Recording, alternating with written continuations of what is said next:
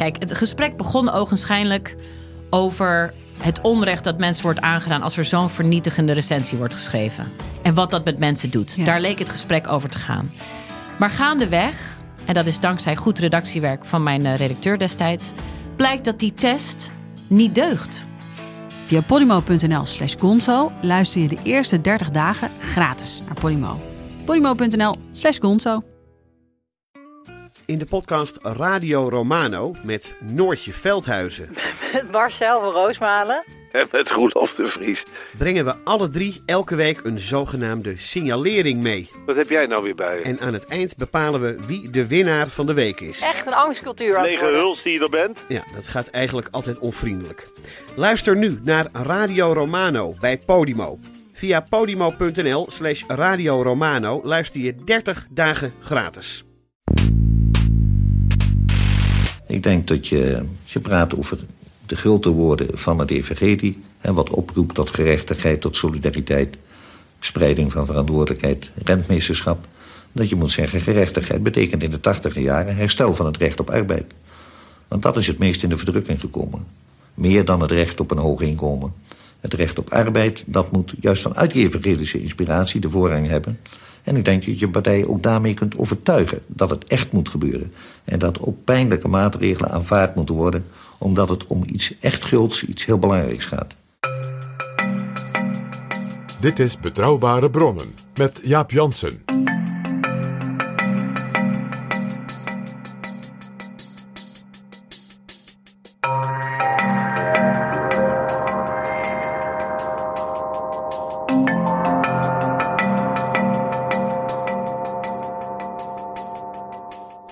Welkom in Betrouwbare Bronnen, aflevering 385. En welkom ook PG. Dag Jaap, PG, de kabinetsformatie is begonnen. zeg dat. We gaan het hebben over iemand die drie keer informateur was. In de tijd ook nog dat een informateur vaak ook verkenner was. Dus dat vereiste een soort dubbele capaciteiten. En die naam Jaap is wel eens vaker gevallen in betrouwbare bronnen. Want het is Jan de Koning. Als informateur stond hij aan de wieg van alle kabinetten Lubbers. Eh, we hebben de eh, gang van zaken doorgenomen, de stand van zaken opgenomen. Het is nog te vroeg om te spreken over positief... en gelukkig ook veel te vroeg om te spreken over negatief. Jan de Koning, oud-minister van het CDA, Kamerlid, een heleboel andere dingen. Die man heeft ongeveer alles gedaan in de Nederlandse politiek. Behalve premier. En al die dingen die hij deed, daarvan zeggen mensen nu, soms 50, 60 jaar later. Hij was de beste die we ooit hadden. En daar is nu een boek over verschenen. En het is dus een zegen voor het land dat dat boek nu verschijnt. Want hij is, ook dat, denk aan de dikke boeken over de kabinetsformaties van het Centrum voor Parlementaire Geschiedenis. Wat blijkt daaruit? Hij is de gold standard van een informateur. Die dus rustig, met een zekere afstand, maar tegelijkertijd alles politiek snappend en analyserend, partijen bij elkaar brengt. Soms ook confrontaties daarbij laat komen van ze moeten het in de formatie met elkaar daar ruzie over maken. En niet als het kabinet anderhalf jaar zit en men het heeft toegedekt.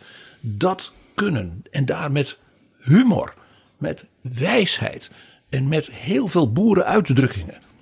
eh, Dat doen, dat was ja, dat waarom die man dus tot de dag van vandaag op een rare manier wereldberoemd is in. Dus PG, er is eigenlijk geen beter moment voor dat boek om nu te verschijnen. De auteur Peter Bootsma doet gewoon iets goeds voor het land.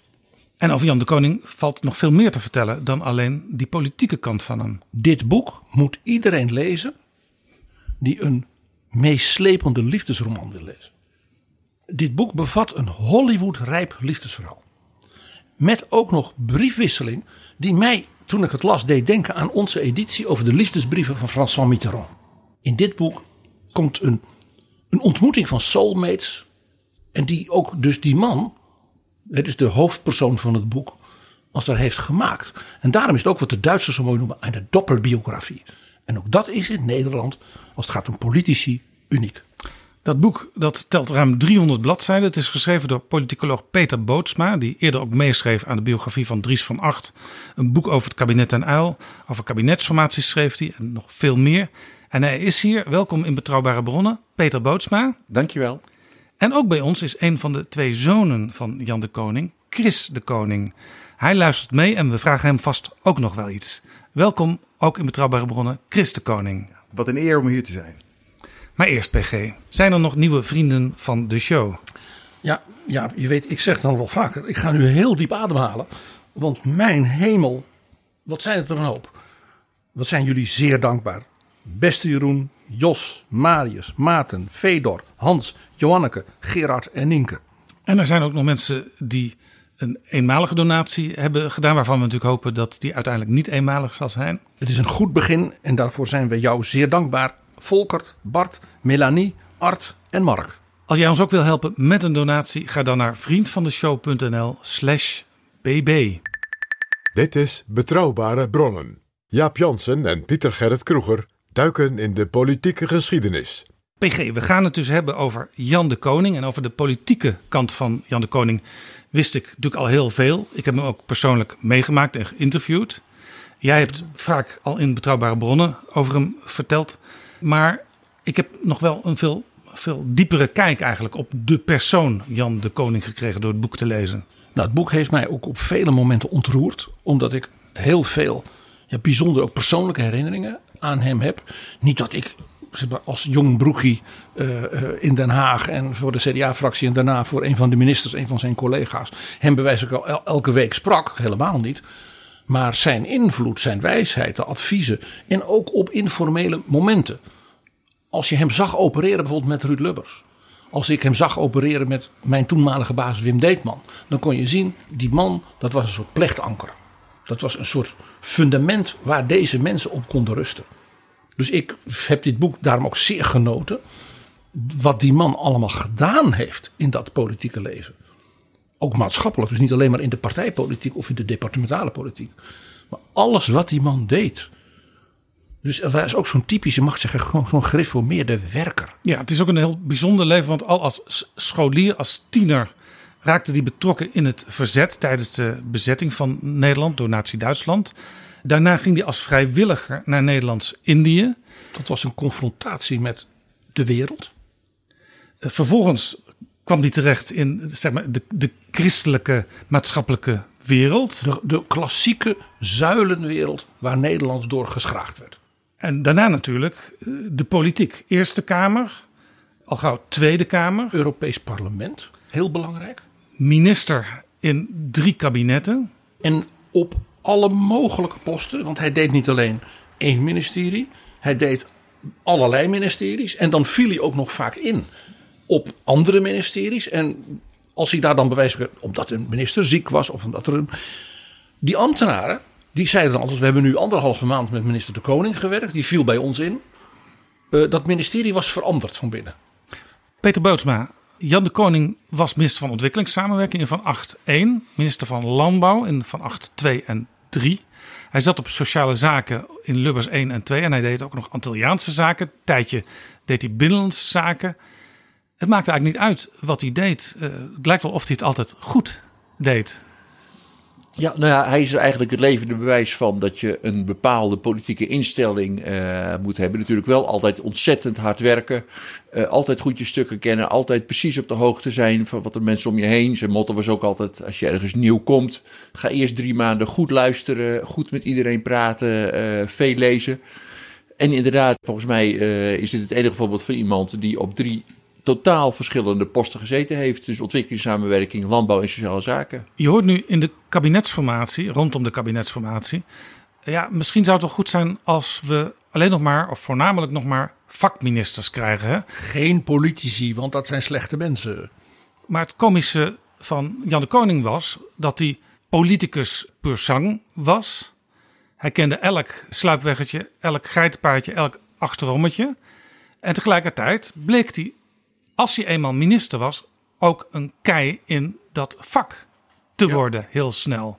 Dus het kan wel als politicus ja. een goede minister zijn. Een deel van het geheim daarvan, uh, denk ik, Jaap, uh, is dat hij als, ook als motto had uh, dat hij geen politiek assistent wilde. Hij had altijd als motto Een minister is gewoon zijn eigen politiek assistent. Je gaat één of twee keer in de week in de Kamer eh, even lunchen en wat rondlopen. Dan hoor je nog eens wat over wat er allemaal speelt. Nou, dat doen nu die politiek assistenten allemaal. Ministers vinden dat ze daar geen tijd meer eh, voor hebben. Nou, Jan de Koning was het spre sprekende voorbeeld van het tegendeel. Ik lees in het boek dat hij heel vaak tussen de bedrijven door in het Tweede Kamergebouw op het Binnenhof rondliep.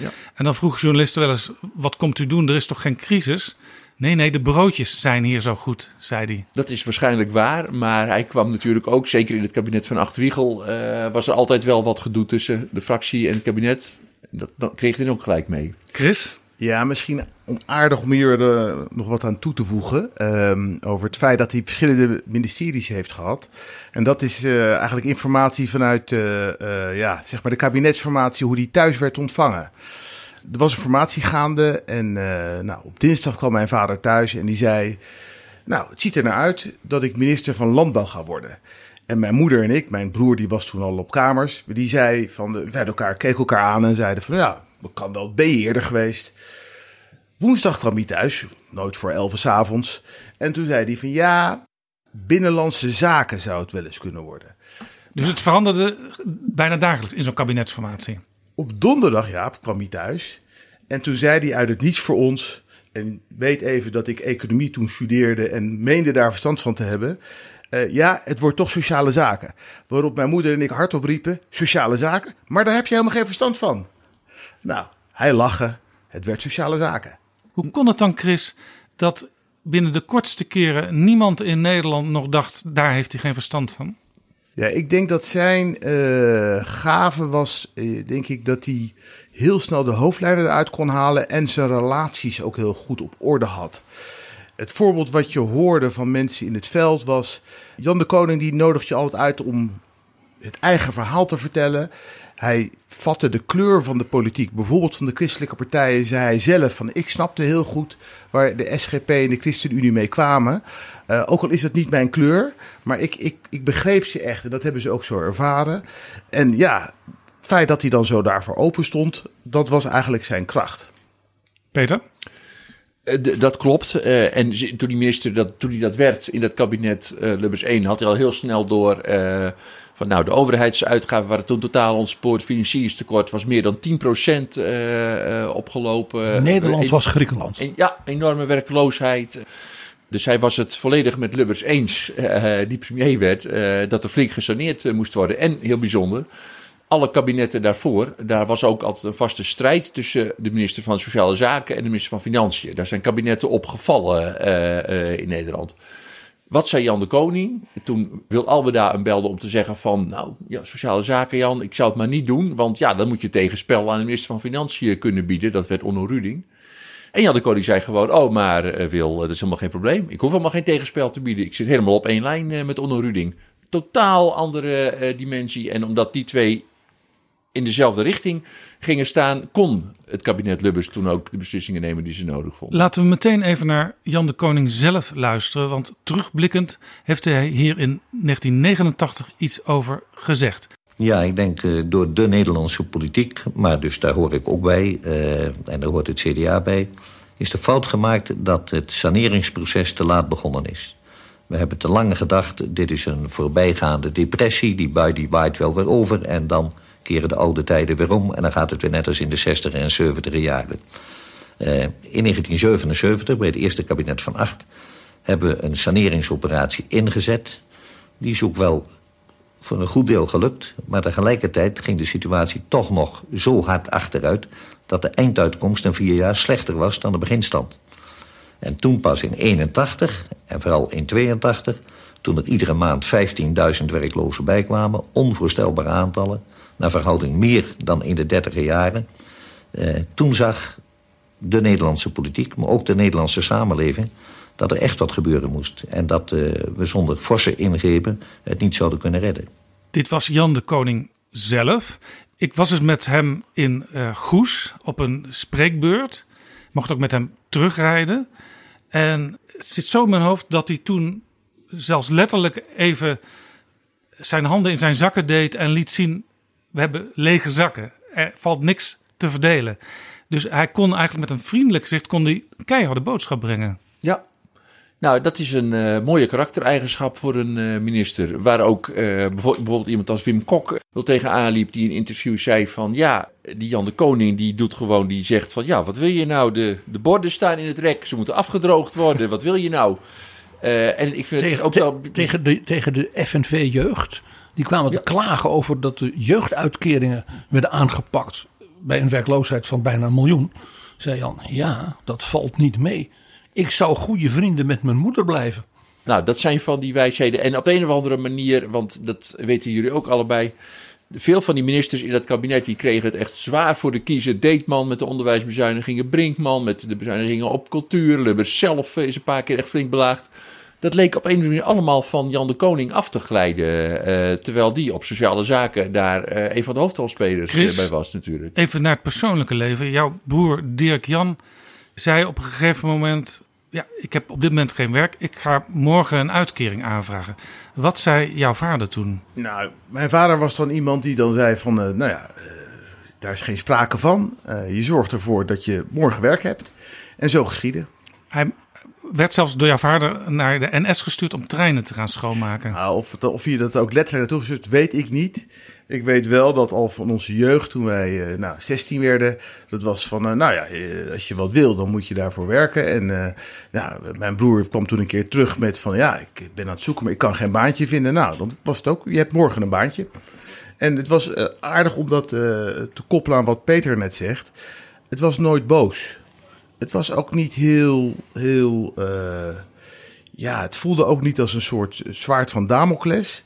Maar het was heel duidelijk. Het was heel helder. En uh, ja, het gezag wat hij ook bij ons had, zorgde ervoor dat wij dan ook daar gewoon wel op, uh, op anticipeerden. Het leuke is dat we van Jan de Koning, als het gaat om werken, nog een ander beroemd bonmot kennen.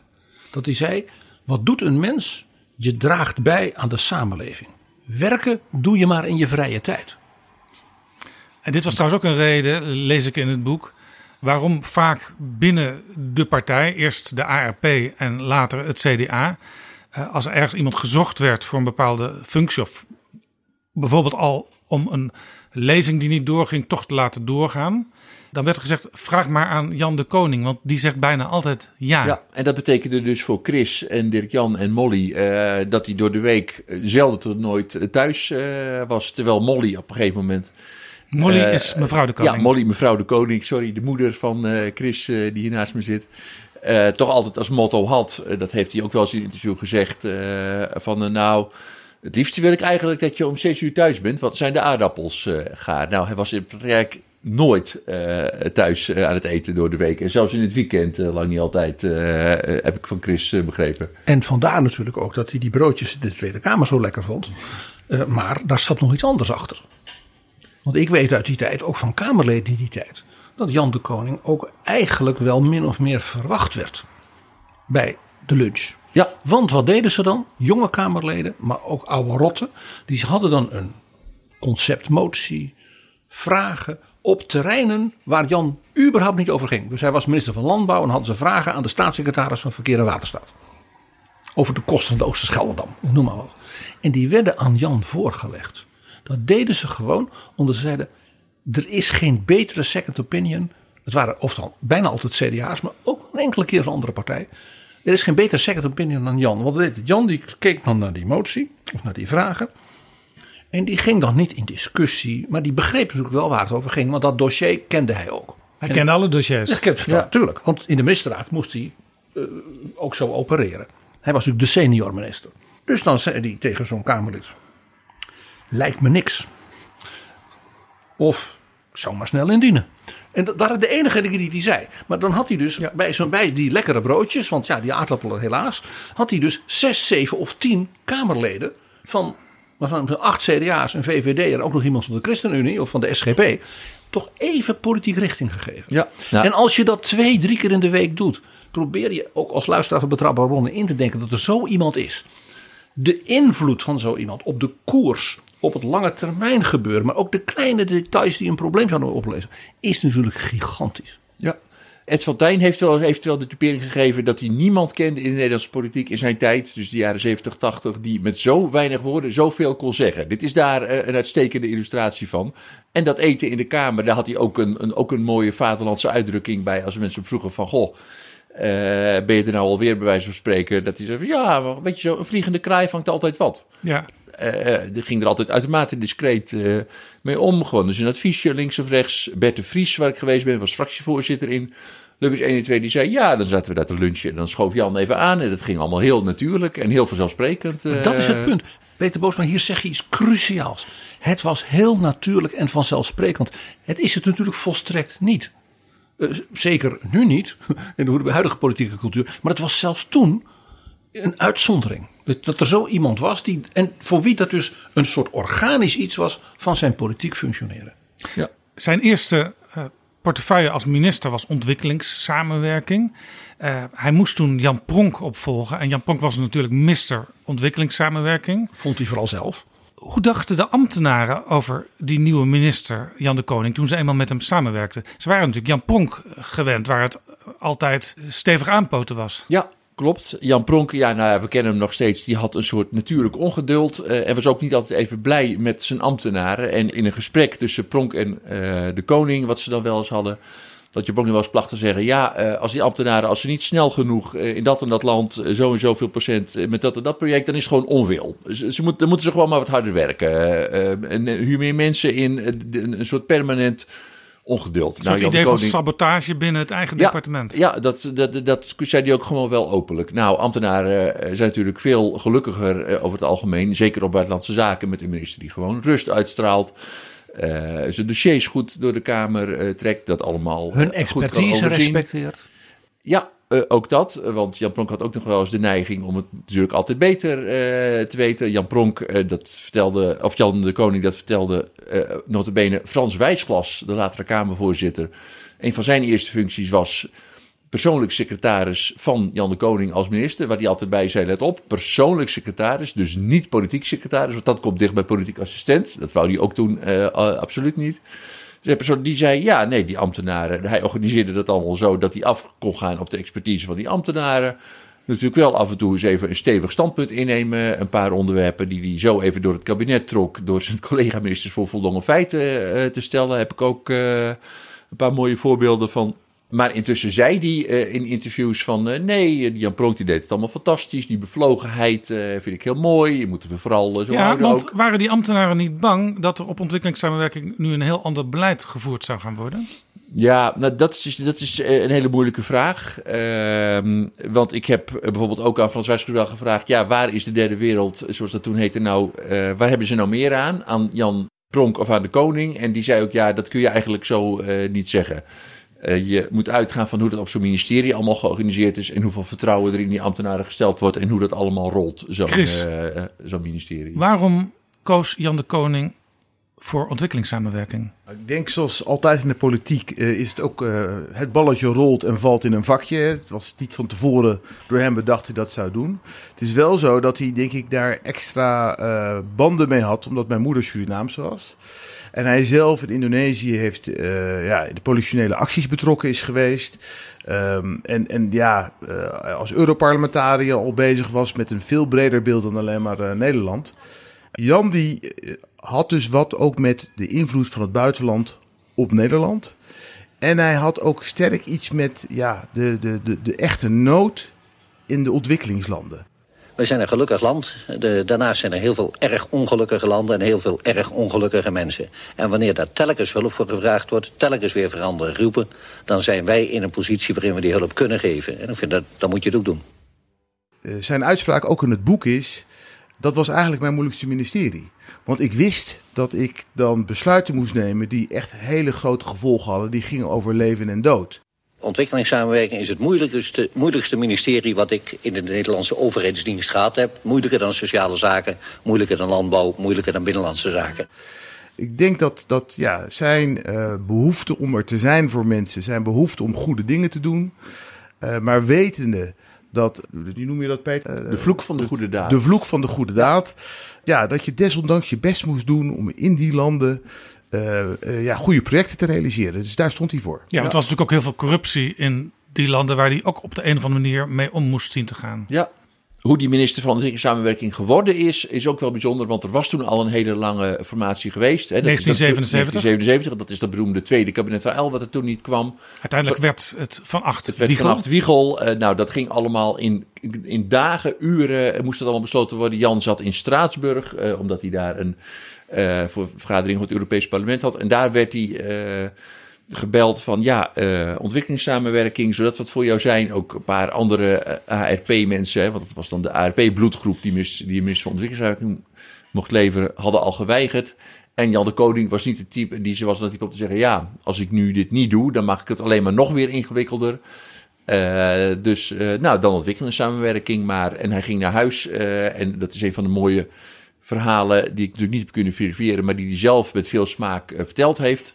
Hij ging naar huis en zei daar tegen zijn vrouw, uh, tegen Molly, nou, kwam thuis in voorschoten op een kennelijk voor haar onverwacht moment. En toen schijnt ze, natuurlijk een mooi verhaal, gezegd te hebben, wat kom jij hier doen? Jij hoort toch in Straatsburg uh, te zitten? En toen schijnt hij geantwoord te hebben, nee, ja, er is wat vervelends gebeurd, ik ben minister geworden.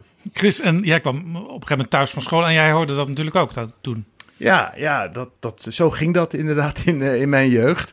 Dat je uh, soms ook gewoon op de radio hoorde wat eruit kwam. En ja, uh, het was wel heel bijzonder, want wij werden natuurlijk heel nauw betrokken bij de politiek van jongs af aan. ik was zes en toen nam hij ons mee naar Straatsburg. Want na afloop van het politieke jaar in Den Haag waren er nog twee weken in Straatsburg voor het Europese parlement. En hij nam ons mee en uh, we liepen als kleine jongetje, mijn broer was acht, liepen wij rond. En uh, hij heeft in een on onverlaat moment, zei hij van nou, als je op die knop drukt, dan speelt het Europese volkslied hier af in het hele gebouw. Dat moet je niet zeggen tegen een jongetje van zes, van die heeft wel twintig keer op die knop gedrukt. Beethoven moest het eens weten. Maar dit was dus een gecombineerde vakantie. Vader was aan het werk in het Europees Parlement en jullie ja. zaten op de camping. Ja. Even over dat ministerie en hoe je dat wordt. Toen het kabinet van 8-2 werd gemaakt, ging hij naar landbouw. Klopt. En dat is ook in de allerlaatste minuut besloten. Het verhaal gaat dat hij bij de informateurs op bezoek kwam. En dat toen de informateur, dat was Ed van Tijn van de Partij voor de Arbeid, zei: Ah, daar is Jan. Nou, met Jan, Jan, met Jan hoeven we het er niet over te hebben, want jij komt natuurlijk hè, voor ontwikkelingssamenwerking. En nee, zei Jan, ik kom voor landbouw. En ik wil het wel even hebben over de landbouwparagraaf van het concept regeerakkoord. Want dat is niet de beste tekst. Daar heb ik nog wel wat opmerkingen bij. Waarbij iedereen wist dat hij zelf ongeveer de hoofdauteur was geweest van die paragraaf. En Van Tijn heeft tegen mij een keer gezegd. Ik vond echt dat Dries van Acht dit niet kon doen. Jan weghalen bij zijn troeteldepartement ontwikkelingssamenwerking. Hij zei dus, ik heb toen iets gezegd van dat kan Van Acht toch niet menen. En toen heeft Jan de Koning tegen dus die informateurs gezegd. Ik kom voor landbouw, ik ben een dienaar van de kroon. Ja, dat, dat, ja, dat soort dingen moet je dan allemaal als biograaf helemaal uh, uitpuzzelen van hoe zat dat dan? Want het is toch een beetje raar uh, dat uh, Fontijn dat niet wist op dat moment. Er zijn natuurlijk ook best wel kernmomenten in de politieke ja. geschiedenis waar niks over op papier staat. Nee, klopt. Nou ja, dan moet je dat helemaal proberen na te gaan. Van hoe is dat toen van dag tot dag, van uur tot uur gegaan? En ja, het bleek dat Van Acht uh, iemand anders op ontwikkelingssamenwerking wilde hebben. Uh, Kees van Dijk, maar hij wilde eigenlijk ook wel Jan de Koning. Uh, ja, en hij wilde Kees van Dijk omdat hij ook financieel deskundig was. Ja. En die had hij graag erbij in het kabinet. Ja, hij wilde graag een nee zeggen. Dat was Kees van Dijk dan. Nou prima, maar Jan de Koning moest ook blijven. Kom dan naar landbouw. Daar moest Van Acht hem van zien te overtuigen. Van en... Acht kon niet premier worden met die hopeloze coalitie zoals hij dat zag met Den Uyl en Terlouw, zonder dat Jan de Koning aan die tafel in de ministerraad zat. Ja, en dan maar op landbouw, want dan zit je natuurlijk een beetje aan de rand van, van, van, uh, van de besluitvorming. Nou, en wat er gebeurd is, is dat Van Acht in het katshuis, geloof ik, Jan de Koning ervan overtuigd moet hebben. Ze hebben, geloof ik, hij heeft ter plekke verteld hij nog Kees van Dijk nog gebeld van, ah, kun jij dan niet naar landbouw? Dan kan ik op uh, ontwikkelen. Nou, dat wilde Kees van Dijk niet heeft zich laten overtuigen en moest aansluitend, had hij de afspraken inderdaad met de informateurs, waaronder Fontijn. Uh, ja, en die wisten dat toen inderdaad nog niet. Dus dat zegt iets over hoe snel dat ook in zo'n formatie kan gaan. Dat de informateurs nog niet eens weten welke kandidaat minister er voor hun neus staat. Ik zeg nu tegen de biograaf van Dries van Acht. Het zegt ook wel weer iets over hoe Dries van Acht politiek opereerde. Zeker, want hij maakte zich hier niet populair mee. Dat de rest van de CDA-top dit allemaal even uit de krant uh, moest lezen. Dat is nu ook ondenkbaar, denk ik zo.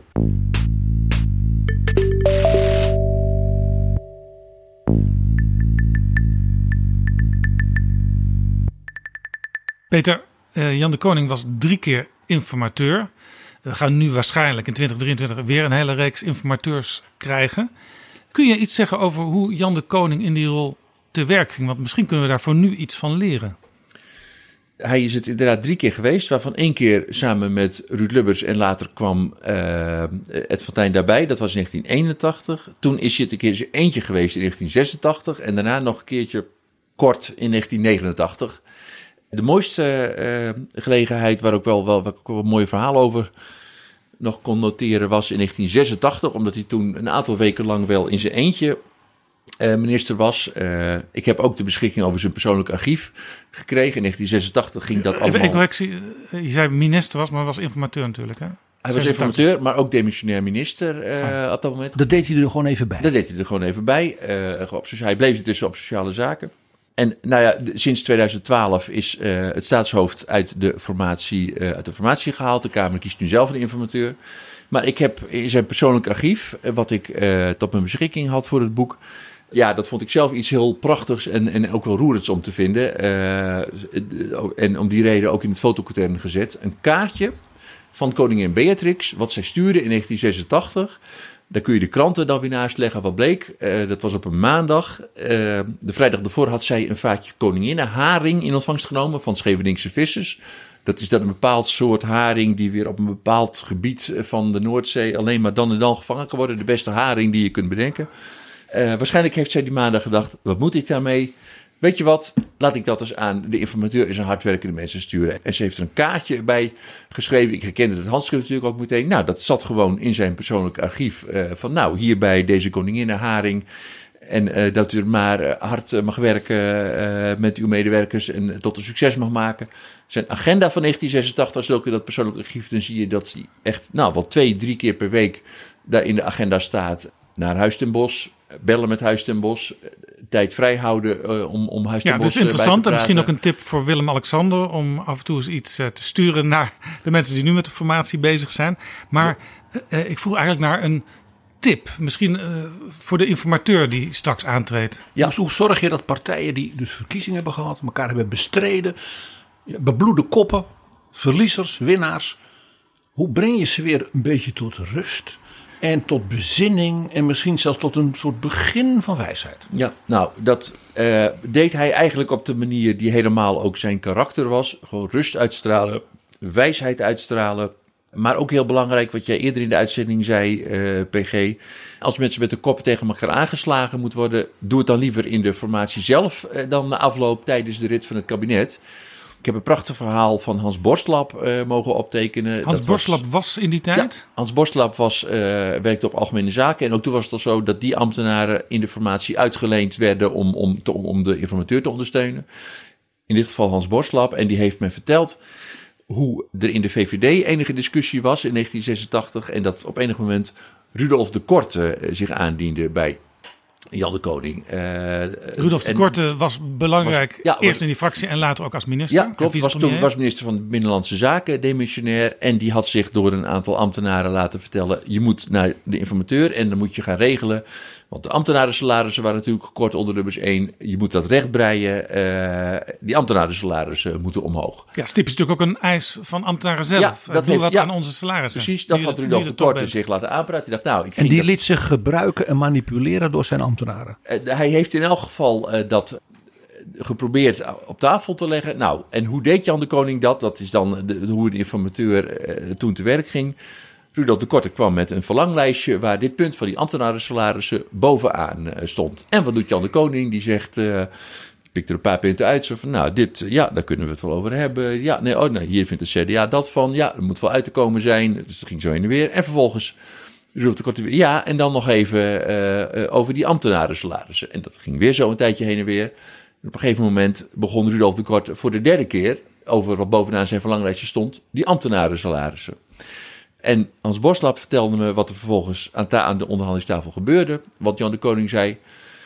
Nou, Rudolf, uh, hartstikke fijn dat je geweest bent. En die ambtenarensalarissen, daar hebben we natuurlijk geen geld voor. Dat snap je zelf ook wel. En het was goed je, dat je er was. En tot de volgende keer maar weer. En deed hem uitgeleiden.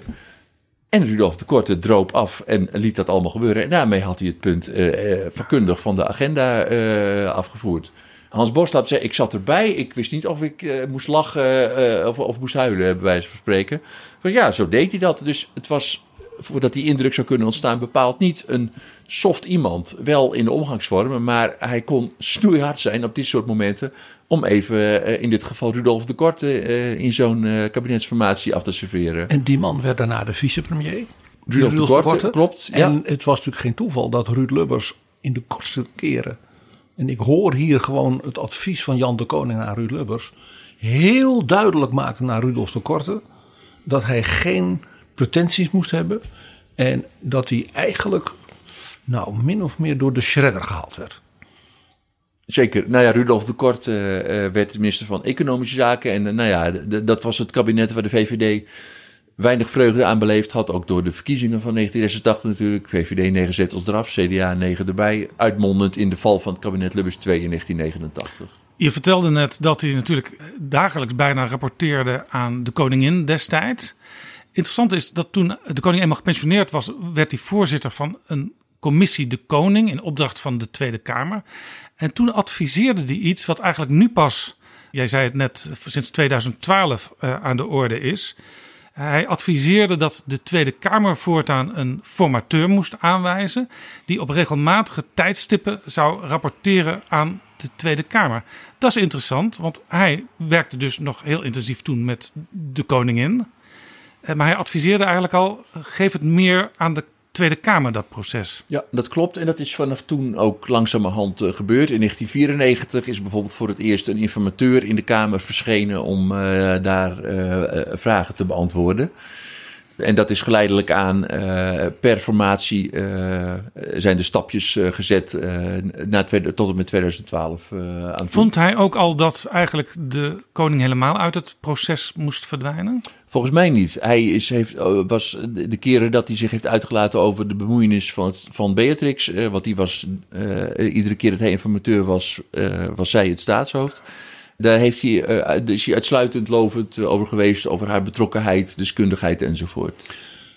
De allereerste keer dat er sprake was van een betrokkenheid tussen Beatrix en Jan de Koning, is natuurlijk geweest met de zonder meer beste grap van de naoorlogse parlementaire politiek. Dat is het late telefoongesprek van Beatrix met de door haar aangezochte informateur Lubbers. En toen zeiden ze: We moeten zo zwaar werken. Dat werd het kabinet van 8-2. Nederland was Griekenland, ongeveer failliet. Dus er moest nog een hele zware sociaal-economische figuur bij. En de voorzitter en, van de SER op dat moment was Jan de Paus. En die was van de CHU. Dus nu wat, wat behoudender deel van het CDA. Dus dat was een mooie combinatie met die wat meer progressieve katholiek. En die wat meer behoudende protestant. He, dat was Beatrix dacht slim. En toen zei ze.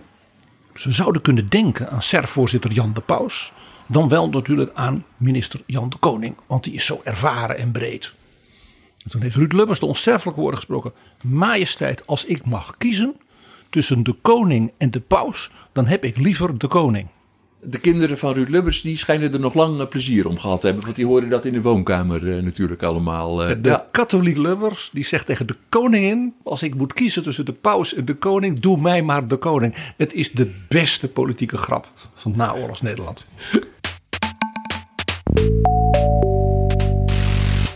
Laten we eens kijken waar Jan de Koning vandaan kwam. Hij werd geboren in 1926, nu bijna 100 jaar geleden.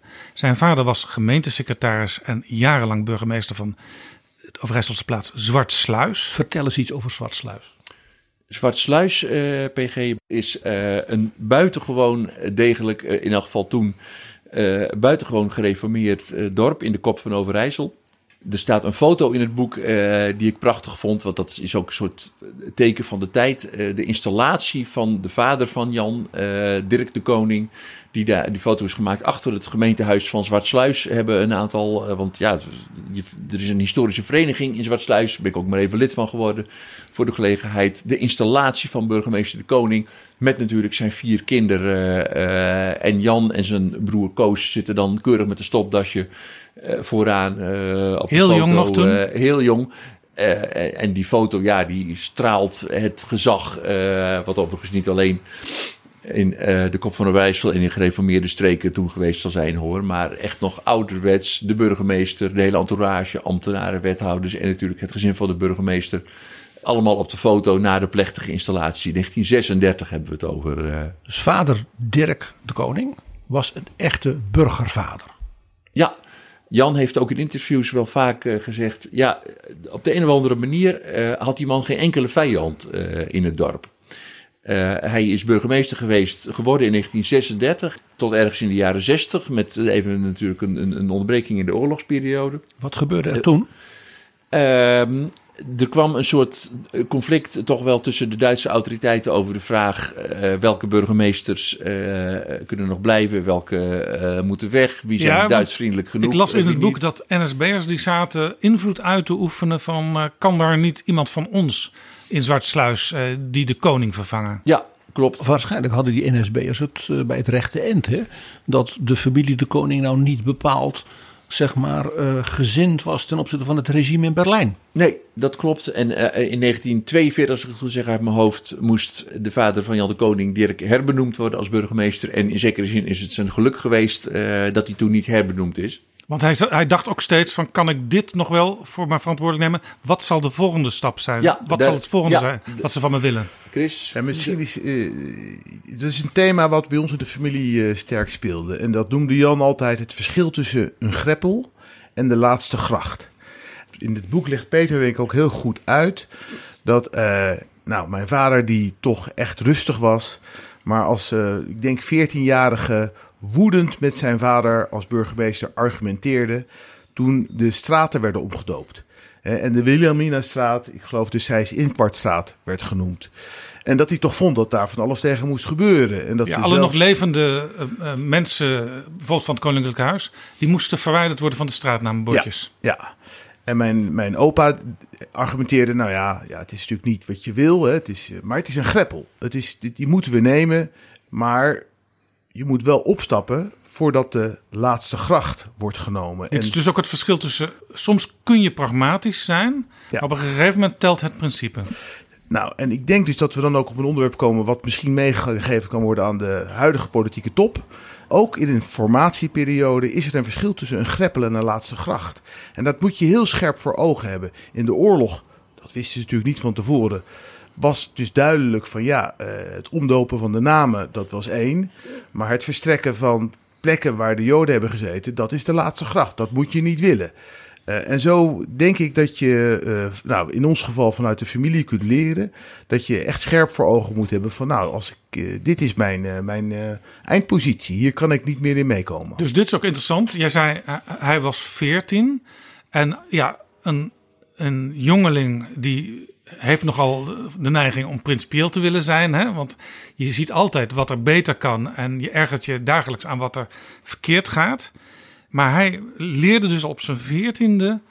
eh, je moet de dingen wel allemaal apart wegen. En je, je moet dan ook heel goed weten... wanneer die laatste gracht bereikt is. Die moet je zien aankomen. Ja. Hij heeft daar later altijd wat meewarig grappend over gedaan. Maar hij heeft zelf als jochie, vooral op zijn fiets, eh, heel veel verzetswerk gedaan. Ja, en daar zegt hij, en dat is dan weer een soort valse bescheidenheid. Dat is ook een onderdeel van zijn persoonlijkheid. Daar zegt hij over van ja, Ik ben daar een beetje ingerold, want mijn broer eh, deed dat. Maar ja, dat, die was, dat was kennelijk nogal een geoot. Uh, Koos, Zijn broer was uh, iets koning. ouder? Zijn broer was iets ouder. Ja, die moest uh, in Zwartsluis op een aantal adressen uh, krantjes rondbrengen. Maar dan moest je wel weten waar je al geweest was en waar je nog naartoe moest. En, dat, uh, en je mocht het niet opschrijven, voor het geval als de Duitsers dat vonden.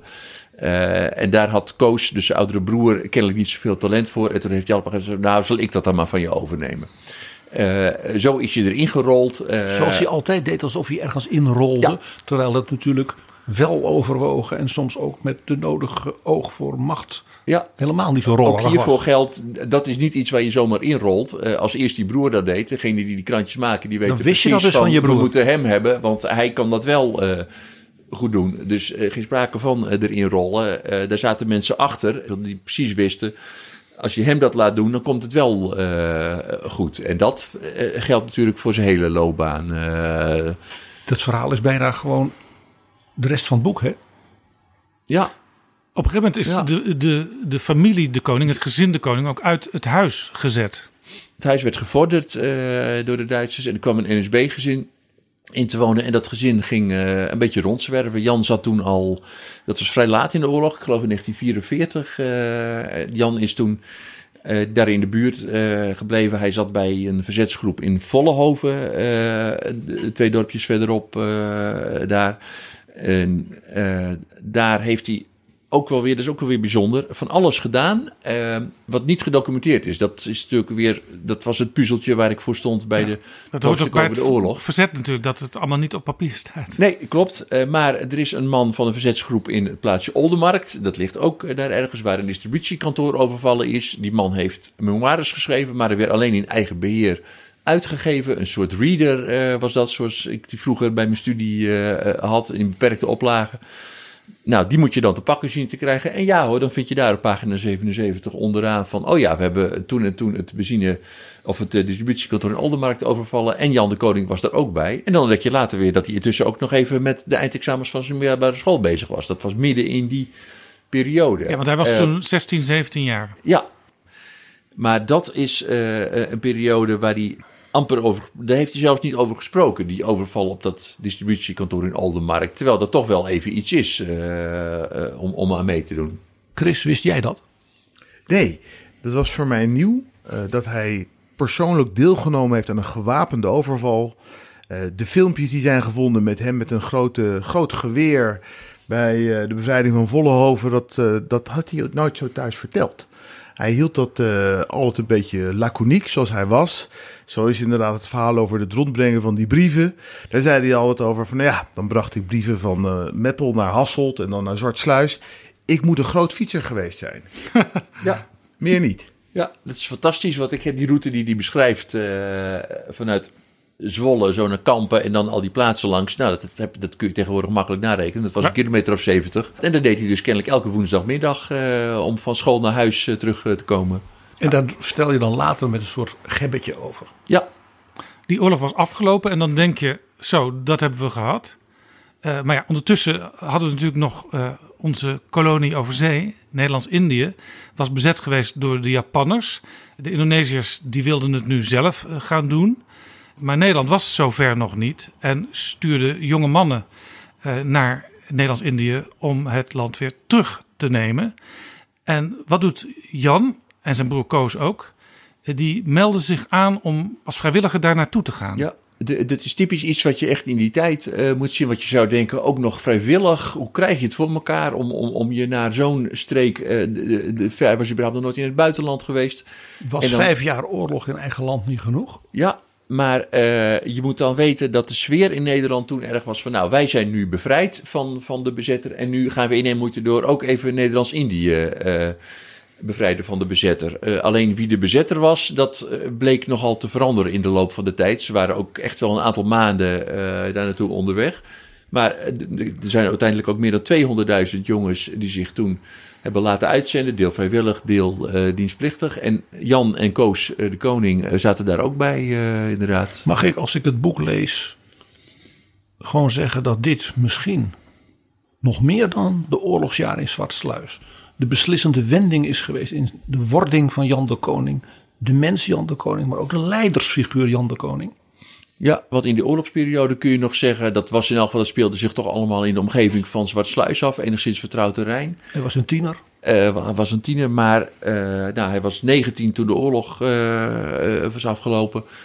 Naar Nederlands-Indië, je kwam in een totaal nieuwe, andere wereld terecht natuurlijk. Ja, mijn vader die heeft daar wel iets over verteld, ook niet zo heel veel over de oorlog. Maar um, nou, het verhaal is dat hij dus als, uh, ik geloof, corporaal uh, in eerste instantie diende. Maar omdat de officier overleed, werd hij, uh, nou, werd hij een soort sergeant gemaakt. Op een gegeven moment moest hij het peloton leiden wat daar dan rondliep. en ze liepen dagelijks liepen ze oefeningen. liepen ze, ja, deden ze rondjes, moet ik zeggen. Deden ze rondjes zo om de kampong heen om die te beschermen. Maar dat waren de gevaarlijkste momenten. Want wat hij zei was van ja, ik heb daar toen geleerd dat je kunt dan wel de baas zijn en zeggen we moeten die kant op, maar het gaat er dan om dat mensen je volgen. En dat is nou ook exact wat er, ja, zoals hij naar de politiek keek. Je kunt wel de baas zijn, maar mensen volgen dat niet automatisch. En de kunst is dat je dus als vervangend officier in zijn geval een positie weet te bekleden. Dat mensen doen wat jij wil, dat ze jou volgen. Terwijl hij dus invil. Ja. Hij had dus niet het klassieke, zeg maar, hiërarchische gezag. Dat was de invaller. Dus hij moest eigenlijk het dubbele aan overtuigingskracht en persoonlijkheid tonen. Wilde hij dat kunnen doen? Ja, een heel concreet voorbeeld. Uh, uh, hij was, kwam zoveel jaar na dato, had hij een reunie met al die mannen. En er was één man die kwam naar hem toe en die zei van... Uh, ja, ik was de kleinste van de groep. En jij vond altijd dat ik als eerste moest. En Jan zegt dan tegen ons als kinderen: ja, het was eigenlijk logisch. De kleinste liep het minste gevaar. Maar die hoefde dat niet te doen. En het feit dat hij dit dus wel deed, elke keer als ze dag als ze die ronde liepen, dat is denk ik heel tekenend voor het gezag wat hij op een of andere manier wist te bereiken. Ja, dit is ook het beste voorbeeld overigens, dat hoofdstuk waar dit allemaal in staat, van uh, het verschil tussen zeg maar de, de, de verhalen achteraf die hij daarover verteld heeft en de bronnen uit die tijd. Want als biograaf wil je natuurlijk om te beginnen weten Waar zat hij überhaupt uh, precies? Wat deed hij? Wat was zijn functie? Welke gevechtsacties was erbij? Hij zat daar bij de eerste politionele acties. Wat heeft hij daarvoor meegekregen? Wat was die kampong? Waar ligt die? Ja, precies. Uh, en dat is buitengewoon lastig. Dat gaat voor iedereen uh, om daar. Maar nou ja, je kunt. Je, begint dan, je leert dan van. Ik kan zijn staat van dienst uh, opvragen. dat heeft elke militair, oud-militair. Er staat dan op rang, plaats, data ongeveer.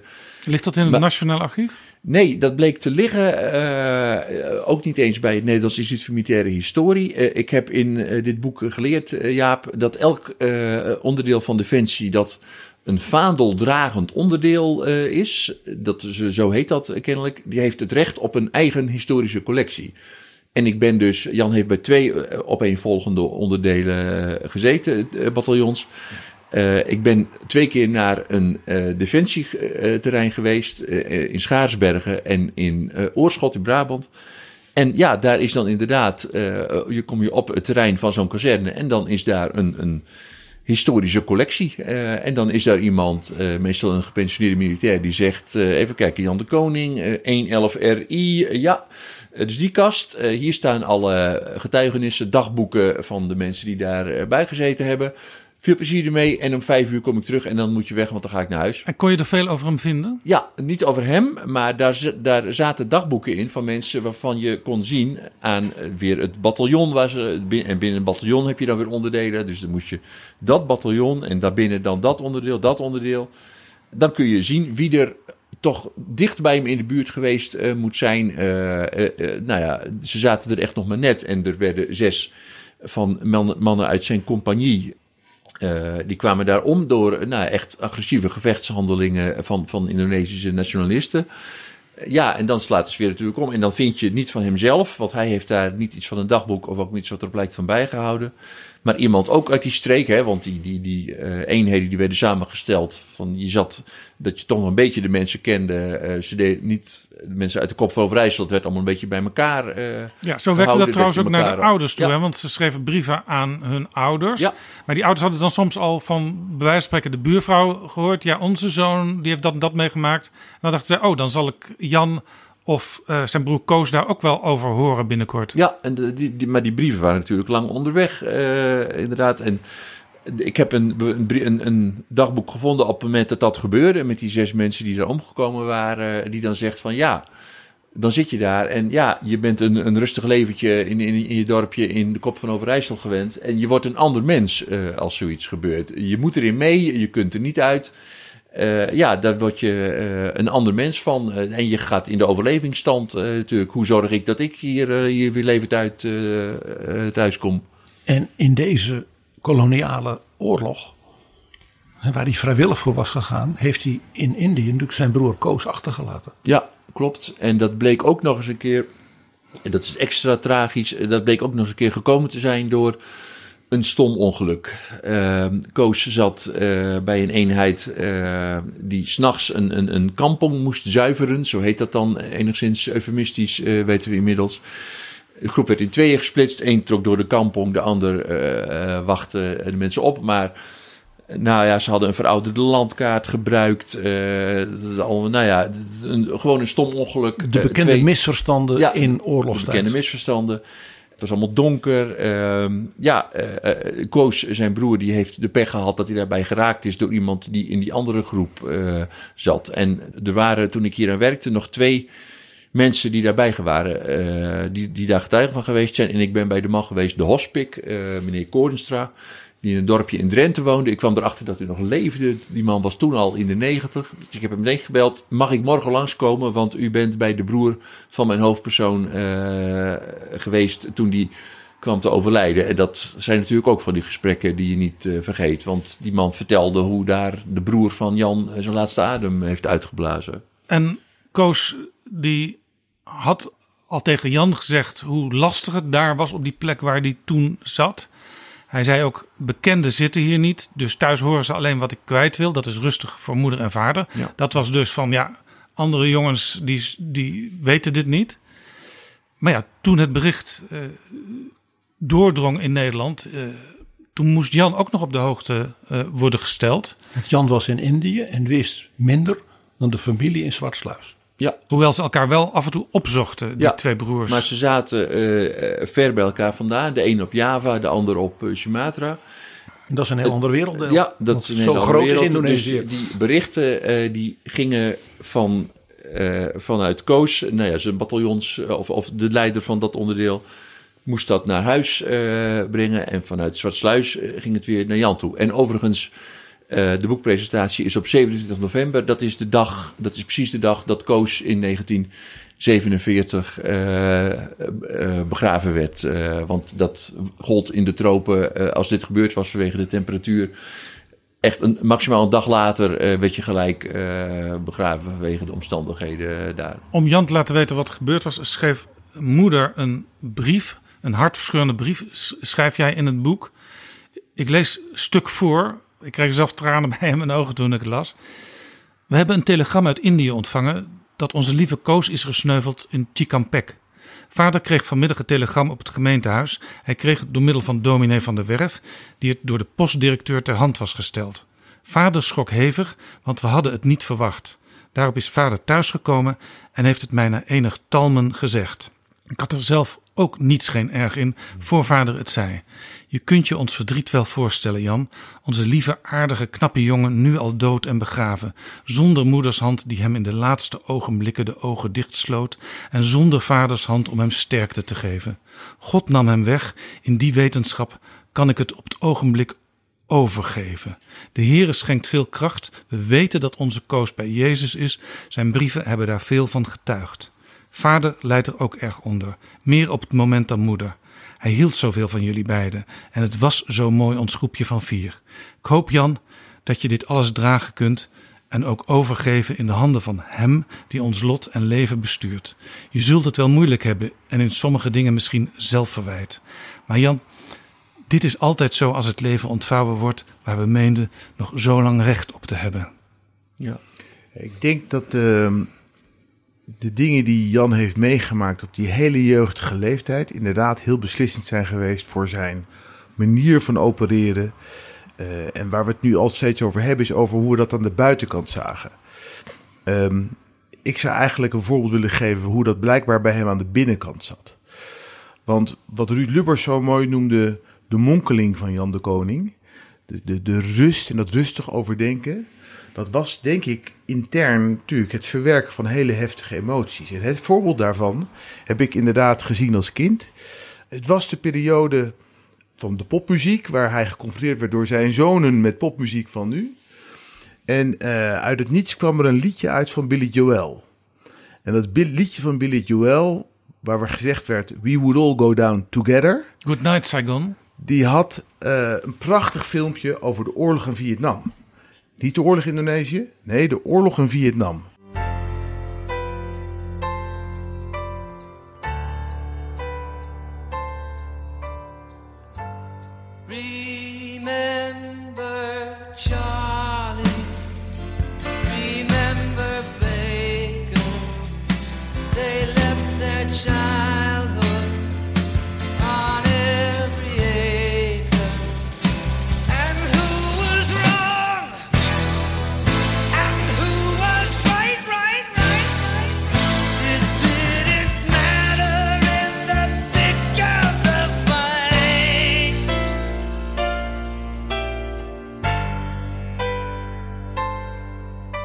Was een heel bijzonder filmpje, herinner ik me. Want werd natuurlijk uitgezonden in programma's als Top Op en Countdown en zo. Ja. Maar eh, het zat vol oorlogsgeweld. En wat hij, dus, wat hij dus deed, was niet bij ons komen zitten omdat Top Op opkwam. Dat was nou niet zijn, uh, zijn interesse.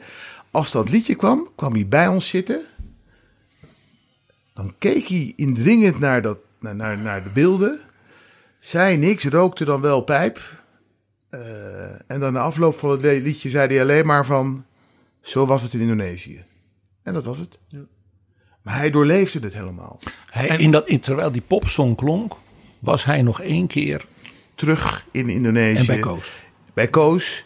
En bij die, die, die ja, de, de, de, rondjes die ze moesten maken in de jungle in Indië vanaf de kampong en van alle kanten beschoten worden. En, dachten en die jullie, kleinste die voorop moest lopen. Ja. En dachten jullie op zo'n moment, zo was het bij ons in Indonesië, dachten jullie op dat moment, nu maar even niks aan vader vragen. Ja, dat is, zo liedje hem gewoon. Ja. En om nog iets te zeggen, Jaap, over die brief die je aanhaalt. Zijn moeder die schrijft, het was zo mooi, ons groepje van vier. Het was een gezin met twee jongens en twee meisjes. Uh, daarvan leeft de jongste uh, nog, Henny. Die heeft daar later ook wel met Jan uh, over gesproken. want Jan kreeg dat wel ongeveer te horen hoe dat gegaan was met het overlijden van die broer en die omstandigheden. ze heeft erover gepraat met zijn jongste zus. en zijn conclusie was: ja, dat gebeurt in elke oorlog dat is natuurlijk ook zo, maar dat is een relativering. Maar in dit geval is het relativering van de manier waarop je eigen broer daar aan zijn gekomen ja, is. Er is in Nederland natuurlijk tientallen jaren over die politionele acties uh, vaak gezwegen, soms gepraat. Uiteindelijk zijn er uh, rapporten over geschreven. Onder andere Veel toegedekt. Gert Oost-Indië recent. Ja. Jan de Koning zelf zei later... die politionele acties die waren een politieke fout van de eerste orde een fout die onvermijdelijk was, maar niettemin een fout. Ja, en dat is ook weer een voorbeeld waarin hij met heel weinig woorden precies eh, zegt eh, hoe het zat. Ja, daar heb je geen uh, boekenkast met politieke rapporten voor nodig. Je kunt gewoon Jan de Koning in één zin citeren. Maar dat geldt voor bijna elk groot vraagstuk in de Nederlandse politieke wereld. Want hij zag dus blijkbaar, en al vrij snel toen hij daar was... hey, wij hebben ons bevrijd van de nazi-bezetting deze mensen hier zijn zich ook aan het bevrijden. Ja, en hij moet zich op een gegeven moment waarschijnlijk al vrij snel gerealiseerd hebben van ja, we, doen, we komen hier als Nederlander om jullie te bevrijden, maar eh, we worden juist als, eh, zelf als een soort bezetter wij zijn gezien. De, we zijn, wij zijn als jonge Hollanders in de verkeerde ja, film terechtgekomen. Klopt, maar als je je dat realiseert is al te laat, want ja, je zit daar en je kunt niet uh, zeggen nou, ik ben vrijwilliger, uh, ik ga maar weer eens even naar Zwartsluis uh, terug.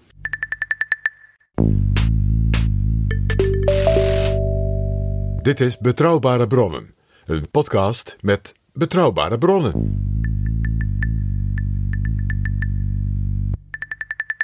In 1956, we hoorden haar naam al een paar keer vallen, trouwde Jan met Molly Rellem, afkomstig oorspronkelijk uit Suriname. Maar wat nog bijzonderder was, een extra aspect, zij had met haar moeder ook in Indië gezeten in een jappenkamp. Dit was wel heel opmerkelijk dat zij, juist zij elkaar tegenkwamen. Ja, ja, klopt. Het is zo dat inderdaad uh, uh, mijn oma en opa die waren onderwijzers en die gingen, uh, en dat heb ik eigenlijk nooit goed begrepen eerlijk gezegd, van een goede positie in Suriname via Scheveningen naar Indonesië om daar les te geven. Anno nu is het interessant om te weten dat zij daar helemaal gelijk optrokken met de Nederlanders. Ze waren veel donkerder van huidskleur. Maar de Indonesiërs zagen ze als buitenlands. Dus ja, hetzelfde als de, de Nederlanders. Ze hadden ook een kokkie en een baboe en alles wat daarbij hoorde. Ze hadden dus in feite een klassiek Nederlands koloniaal leven en gezin. Wat ze in Suriname natuurlijk nooit konden hebben. Want daar waren ze natuurlijk ja, de verschoppelingen. Daar waren ze de koloniale onderdanen. Ook heel interessant, wij hebben het er vaak over, PG. Dit was dus ook een voorbeeld van vroege globalisering. Ze kwamen uit uh, de West, zaten een tijdje in Nederland en gingen naar de Oost. Ja, en uh, het bijzondere in ons familieverhaal is dat de oorlog brak uit. Uh, de Nederlanders, uh, de mannen werden afgevoerd zoals we weten. En de vrouwen moesten naar een kamp toe. En aan mijn oma is gezegd van nou, u mag kiezen. U kunt mee naar het kamp. U kunt ook vrij blijven. Bijzonder is dat mijn oma gekozen heeft om mee te gaan met haar kinderen naar het kamp. Nou is natuurlijk wel ja, één ding uh, aantekening te maken. Dat is dat men toen niet wist dat het kamp zo erg zou worden. En ook buiten het kamp was het niet veilig. Maar mijn oma's gedachte was... we waren altijd met de Nederlanders. We zijn nu ook met de Nederlanders. En daarom ging ze mee naar het kamp. Dus een soort loyaliteit. Ja. Terwijl de Japanse bezetter haar als zwarte vrouw aanbood van... nou ja, je bent geen blanke, dus je kunt ook een soort voorkeursbehandeling krijgen. Ongelooflijk. Dit heeft natuurlijk op die twee mensen, Jan en Molly om maar zo te zeggen... die dus beide zo'n sleutelervaring hebben, ver weg van, waar, van je geboortegrond. Ja? In dezelfde tijd, in dezelfde omstandigheden. Natuurlijk, dat, dat, op een bepaalde manier moeten ze dat bij elkaar ontdekt hebben. Ja. En dat dat een soort band ook was. Ja, het is natuurlijk... Een band van verdriet en lijden is ook een band. Ze kwamen uit een hele andere wereld. Maar omdat mijn moeder daarna uh, uh, uit Nederlands-Indië naar, naar Utrecht kwam. Um, overigens vergelijkbaar met mensen die nu in AZC zitten. Gewoon werd opgevangen. Je had een koffer, meer had je niet. En vanaf daar haar leven ging opbouwen. Zo heeft Jan de omweg gemaakt met politionele acties. En ja, jaren later kwamen ze elkaar tegen in de collegebank in Utrecht. Waar uh, mijn vader dus uh, ja, toch al heel snel viel voor die, uh, de, de, de Surinaamse vrouw Molly Rellem toen nog. En wat wel bijzonder is voor mij als kind om hier dan ook nog te noemen, dat is dat Jan werd wel gezien als talentvol student. Dus hij had een hoogleraar en die hoogleraar die sprak met hem en die zei, ja, die relatie met die donkere vrouw, dat moet je niet doen. Moet je je voorstellen nu dat een hoogleraar dat tegen een student uh, zegt. Ongelooflijk. Maar we ja, hebben het hier over eind jaren 40, begin jaren 50. Dat was kennelijk, kon kennelijk toen. Uh... Ik, ik, sterker nog, deze hoogleraar was een man, misschien nog wel van de 19e eeuw. En die zei tegen die talentvolle student. In die tijd was een talentvolle student zijn een extreme uitzondering. Nu studeert gelukkig iedereen. Ja. Toen bijna niemand. Dus hij zag misschien deze jongen wel zijn opvolger. Over twintig jaar. En die dacht, ja, het soort samenleving waarin ik nu leef. Wil die jongen een mooie academische carrière maken? Moet ik hem nu beschermen tegen zeg maar, onverstandige beslissingen? Dus het was misschien wel heel vaderlijk en goed bedoeld. En zonder enige, ook zelfs racistische kwaaiigheid van die man dat hij dat zei. Veel bijzonderder is natuurlijk dat wat Jan de Koning, de professor, zei. Ja, want, dat weet jij ook. Want hoe keek Jan daarnaar met al die internationale ervaring inmiddels? Ja, de, de, Hij had al wat van de wereld gezien. Ik heb het niet precies in de bronnen kunnen vinden, want ik, ik, ja, dat, was, dat is verder niet neergeslagen ergens. Maar het kan niet anders dan dat hij dat vriendelijk uh, in ontvangst genomen zal hebben, dat advies, om zich er vervolgens niks van uit te trekken. En Jan de Koning dacht er het zijne van. Ja, dat uh, ook. Maar hij heeft waarschijnlijk gedacht: ach, sociale geografie, ik ben straks klaar met die studie. Uh, met deze man heb ik nooit weer uh, te maken. Dus ik laat het voor wat het is. En zijn relatie met Molly, die verdiepte zich al vrij snel. en heel mooi is dat ze elkaar brieven gingen schrijven. zodra ze ook maar even een paar dagen niet bij elkaar waren. een, een van de mooiste momenten bij het werken aan dit project is. Toen ik van Chris en uh, Dirk Jan op een gegeven moment vernam. Uh, dat toen Molly ook overleden was, hebben ze het ouderlijk huis leeg moeten ruimen. En wat kwam daaruit? Een laadje in een kastje tevoorschijn. Die stapel brieven die zij aan elkaar geschreven hadden, waarvan jullie als kinderen niet eens wisten dat dat er was. Maar Jan en Molly hebben het ook nooit over hun hart kunnen verkrijgen, kennelijk om het weg te gooien. En uh, nou, daar heb ik uh, uit kunnen putten en een selectie daaruit gemaakt om de lezer duidelijk te maken hoe die relatie zich ontwikkeld heeft. En dat is de basis waarom ik bij het intro zei dat dit boek ook daarom gewoon zonder meer, ik kan het gewoon tegen Peter Boosma in zijn gezicht zeggen, een volstrekt uniek boek is. Als het gaat over een Nederlandse politicus van de 20e eeuw. Uh, want wat ik al zei, het is een Hollywood-rijpe liefdesverhaal. En die brieven, ja, nou, het is een selectie eruit. Uh, ja, ik heb dit van een Nederlands politicus, en ik, verwees even naar François Mitterrand, uh, wat was ook wel 1300 pagina's is dat, heb ik dit nog nooit gelezen. En dat maakt dit boek uniek en zelfs ook uniek voor iedereen die eigenlijk helemaal niks met die politiek heeft. Chris, ik weet niet of ik het aan je kan vragen, maar zou jij misschien stukje voor kunnen lezen uit een van die brieven. Jan realiseerde zich intussen overigens heel goed hoezeer ze van elkaar verschilden. Ik quote: Ik ben anders dan jij en kan het verschil tussen ons gemakkelijker aanvaarden dan jij, waardoor jij het vaak moeilijker hebt dan ik. Jij kunt al zo erg lief zijn, alleen al door de manier waarop je op mijn knie gaat zitten en tegen me aankruipt. Wil je alsjeblieft een beetje geduld met me hebben? Ik ben zo hopeloos stijf en verlegen, maar misschien is er op den duur wel wat aan te veranderen. Ik houd meer van je dan ik zelf kan begrijpen. Vaak vind ik het naar voor jou dat ik zo prozaïs ben aangelegd, terwijl jij zo verschrikkelijk lief kunt zijn. Als ik me gemakkelijker kon uiten, zou ik op sommige ogenblikken allerlei rare dingen gaan doen en je zou vermoedelijk bij me weglopen, terwijl ik je nooit weer onder ogen zou durven komen. Je bent nu eenmaal van het verkeerde soort man gaan houden, schat. En het helpt weinig of ik ook al mijn best doe. Dankjewel, Chris. Het waren heel, heel andere characters, hè? jouw vader en jouw moeder. Nou, jouw moeder was, behalve dat ze een Surinaamse Creoolse vrouw was, dat was in het Nederlands van de jaren 40, 50 al natuurlijk iets. Ze kwam ook nog als katholiek meisje in dat door en door gedegen gereformeerde Zwartsluis. Ja, Hallo. Ja, nou, dan moet ik eerlijk zeggen dat uh, wat ik begrepen heb, dat uh, de verschil tussen de godsdienst in Suriname is toch beduidend anders dan in Nederland. Maar dat wisten die mensen in Zwartsluis niet? Nee, dat is waar. Daar was katholiek was een uh, probleem. Maar in de familie was het wel zo dat ja, mijn vader kwam dus thuis met een zwarte vrouw in het kleine, zeer gereformeerde Zwartshuis. Er was ook lang aarzeling, vooral ook aan de kant van Molly. Van wa wanneer gaan wanneer, we ons wanneer voorstellen? Is er een kennismaking? Maar in alle eerlijkheid, uh, mijn tante is later getrouwd met de katholiek. En dat werd in Zwartsluis veel erger gevonden. Want Molly heeft zich bekeerd. Ze is hervormd uh, geworden. Jan was altijd gereformeerd. De, Molly weigerde om gereformeerd te worden. En op een gegeven moment, toen ze in voorschoot, zei nou weet je wat, dan worden we toch allebei hervormd. Dat zit er mooi een beetje tussenin.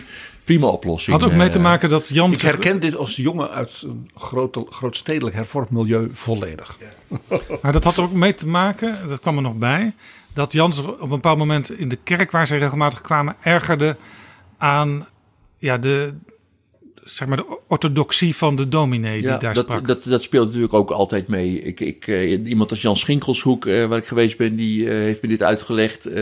ik kreeg een spoedcursus twee uur over de geschiedenis van de gereformeerde kerken in Nederland gratis van hem. Uh, en die zei ook, ja, als je in een nieuwe plaats komt uh, te wonen, uh, in dit geval jullie in Voorschotten kwamen te wonen, ja, als daar toevallig net een dominee zit waar je niet zoveel mee hebt, die een beetje te streng in de leer is, dat hoorde ik weer van vrienden van, van hen, de familie van der Wilde, die met hen kerkte. Ja, dat vonden ze gewoon niet zo leuk, die dominee. Nou, dat is ook een goede reden om te denken, laat ik dan maar eens hervormd worden. Ja, dat is het grote verschil tussen katholieken en protestanten. Dat protestanten kunnen kiezen vanuit hun eigen idee. En dat is natuurlijk voor katholieken veel moeilijker. Chris, in jullie jeugd was zo, jullie gingen niet elke zondag naar de kerk? Nee, nee, nee. Uh, we hebben uh, ja, tot zeg maar de middelbare school gingen we wel met enige regelmaat naar de kerk. Mijn hoog, persoonlijk hoogtepunt is dat ik tijdens een kerstmis, kerstdienst uh, ooit de solo mocht spelen op de blokfluit. Maar dat geldt terzijde. Uh, we bleven tot ons twaalfde de kerk gaan. Daarna liet hij ons eigenlijk vrij. En, en mijn broer is nog even op catechisatie geweest, ik niet. Maar ik, dat liep parallel op met eigenlijk de ontwikkelingen in Nederland. Hè. De kerk werd stil vrijer. Dus waar hij als jongeling met zijn vader, uh, en zeker na de oorlog toen zijn broer overleden was... Uh, twee keer naar de kerk ging op zaterdag en twee keer op zondag daar werd hij zelf toch ook wel steeds losser in, in uh, nou ja, dat het evangelie alleen in de kerk plaatsvond. Sterker nog, hij staat bekend om de uitspraak geloven op maandag. En geloven op maandag staat voor, ja, je kunt wel in de kerk op zondag uh, meedoen en, en, en ja, uh, bidden en zeggen van, nou, ik volg helemaal wat de dominee zegt. Maar het gaat erom wat je op maandag doet. En hoe je je dan opstelt. En als het niet kan zoals het moet, dan moet het maar zoals het kan op maandag. Exact. Peter, dat huwelijk vond plaats in 1956. Klopt. En je hebt daar iets unieks van gevonden. Ja, dan moet je even weten dat uh, de familie van Molly, haar moeder uh, en haar zus Agnes, uh, op het moment van het huwelijk in Suriname waren. En het was toen nog niet zo gemakkelijk om even over te komen voor zoiets. Dus wat zij gedaan hebben is dat is 1956, dus, dus de techniek was toen nog niet zo ver voorgeschreden. Maar je kon, ik probeer het voor me te zien, op een of ander opnameapparaat iets inspreken. Dat kwam dan op een langspeelplaat te staan. Die kon je dan opsturen naar Suriname en daar dan afdraaien. Een zekere Nout Bourré, een studiegenoot van hen, die heeft dat georganiseerd. En de bruid en de bruidegom met de broer van de bruid vertellen hoe het huwelijk geweest is vlak nadat de huwelijksceremonie uh, geweest is. Laten we even luisteren Chris, wie horen we achterin volgens? Uh, in eerste instantie hoor je Jan. Uh, daarna komt Molly. En daarna komt de jongere broer van Molly, Theo. Een beetje ruimte om u ook nog even te vertellen dat alles prima gegaan is. En dat we samen erg gelukkig zijn. We hopen dat u gauw weer in de gelegenheid zal zijn om met ons van dat geluk te kunnen genieten. Maar het was fantastisch. Ik heb zo aan u gedacht. Vanmorgen vroeg toen heeft juffrouw Geelnaarde heeft mij aangekleed. En nou, toen dacht ik, het is zo vreselijk jammer dat u nou eens niet ziet hoe ik eruit zag. Maar ik zal een stukje van de stof sturen. Dan kunt u zich misschien een voorstelling maken. En ik hoop dat de foto's eh, duidelijk laten zien eh, hoe ik eruit zag. Ze vonden het allemaal erg mooi. En eh, nou ja, goed, ik zal het nog wel schrijven. Ik vind het zo moeilijk om nou veel te zeggen. Ik weet eigenlijk nog niet precies wat ik allemaal zeggen moet. Daarom geef ik Theo dan maar even, dan kan ik even denken. Dus Theo dan, die kreeg vanmorgen om, om kwart, voor tien uw brief. En uh, dat stond in dat ik moest speechen en zo. Nou, ik heb er naar vermogen van mijn taak gekreten. En men is er nogal enthousiast over, ik niet hoor. Uh, en uh, verder, deze dag, dit is echt een onvergetelijke dag geweest. Want we hebben zoveel aardig, aardig van, van allerlei mensen ondervonden. En nou ja, goed, nu al te laat. Ik doe de groeten en maak mij maar geen zorgen, want op school zal ik mijn best doen en ik verwacht een behoorlijk rapport. Dag, dag man, dag. Oh ja, uh, Theo. Nou, Theo heeft zo leuk gespeecht. Hij heeft namelijk een vergelijking gemaakt van uh, een pianist die zijn linker en zijn rechterhand nodig had. wilde hij zijn subliem spel leveren. En zo vergeleek je dan de linkerhand, dat moest ik dan voorstellen. En de rechterhand, dat was dan Jan. En eh, als de, de pianist zag hij dan de, eh, nou ja, God die ons, ons leidt en, en die ook ons handen in beweging zet. En verder heeft u uw lijfspreuk nog aangehaald. Van God, eh, doe al je best, God doet de rest. Nou, dat was, dat was werkelijk of u zelf er was. Theo heeft werkelijk fantastisch gedaan. En vooral omdat hij, nou ja, nu voor al die mensen moest praten. We hebben het ontzettend fantastisch gevonden. Dit was een bericht vanuit Utrecht aan Suriname uit 1956. En Molly die wel zes keer zegt, het was fantastisch. Prachtig.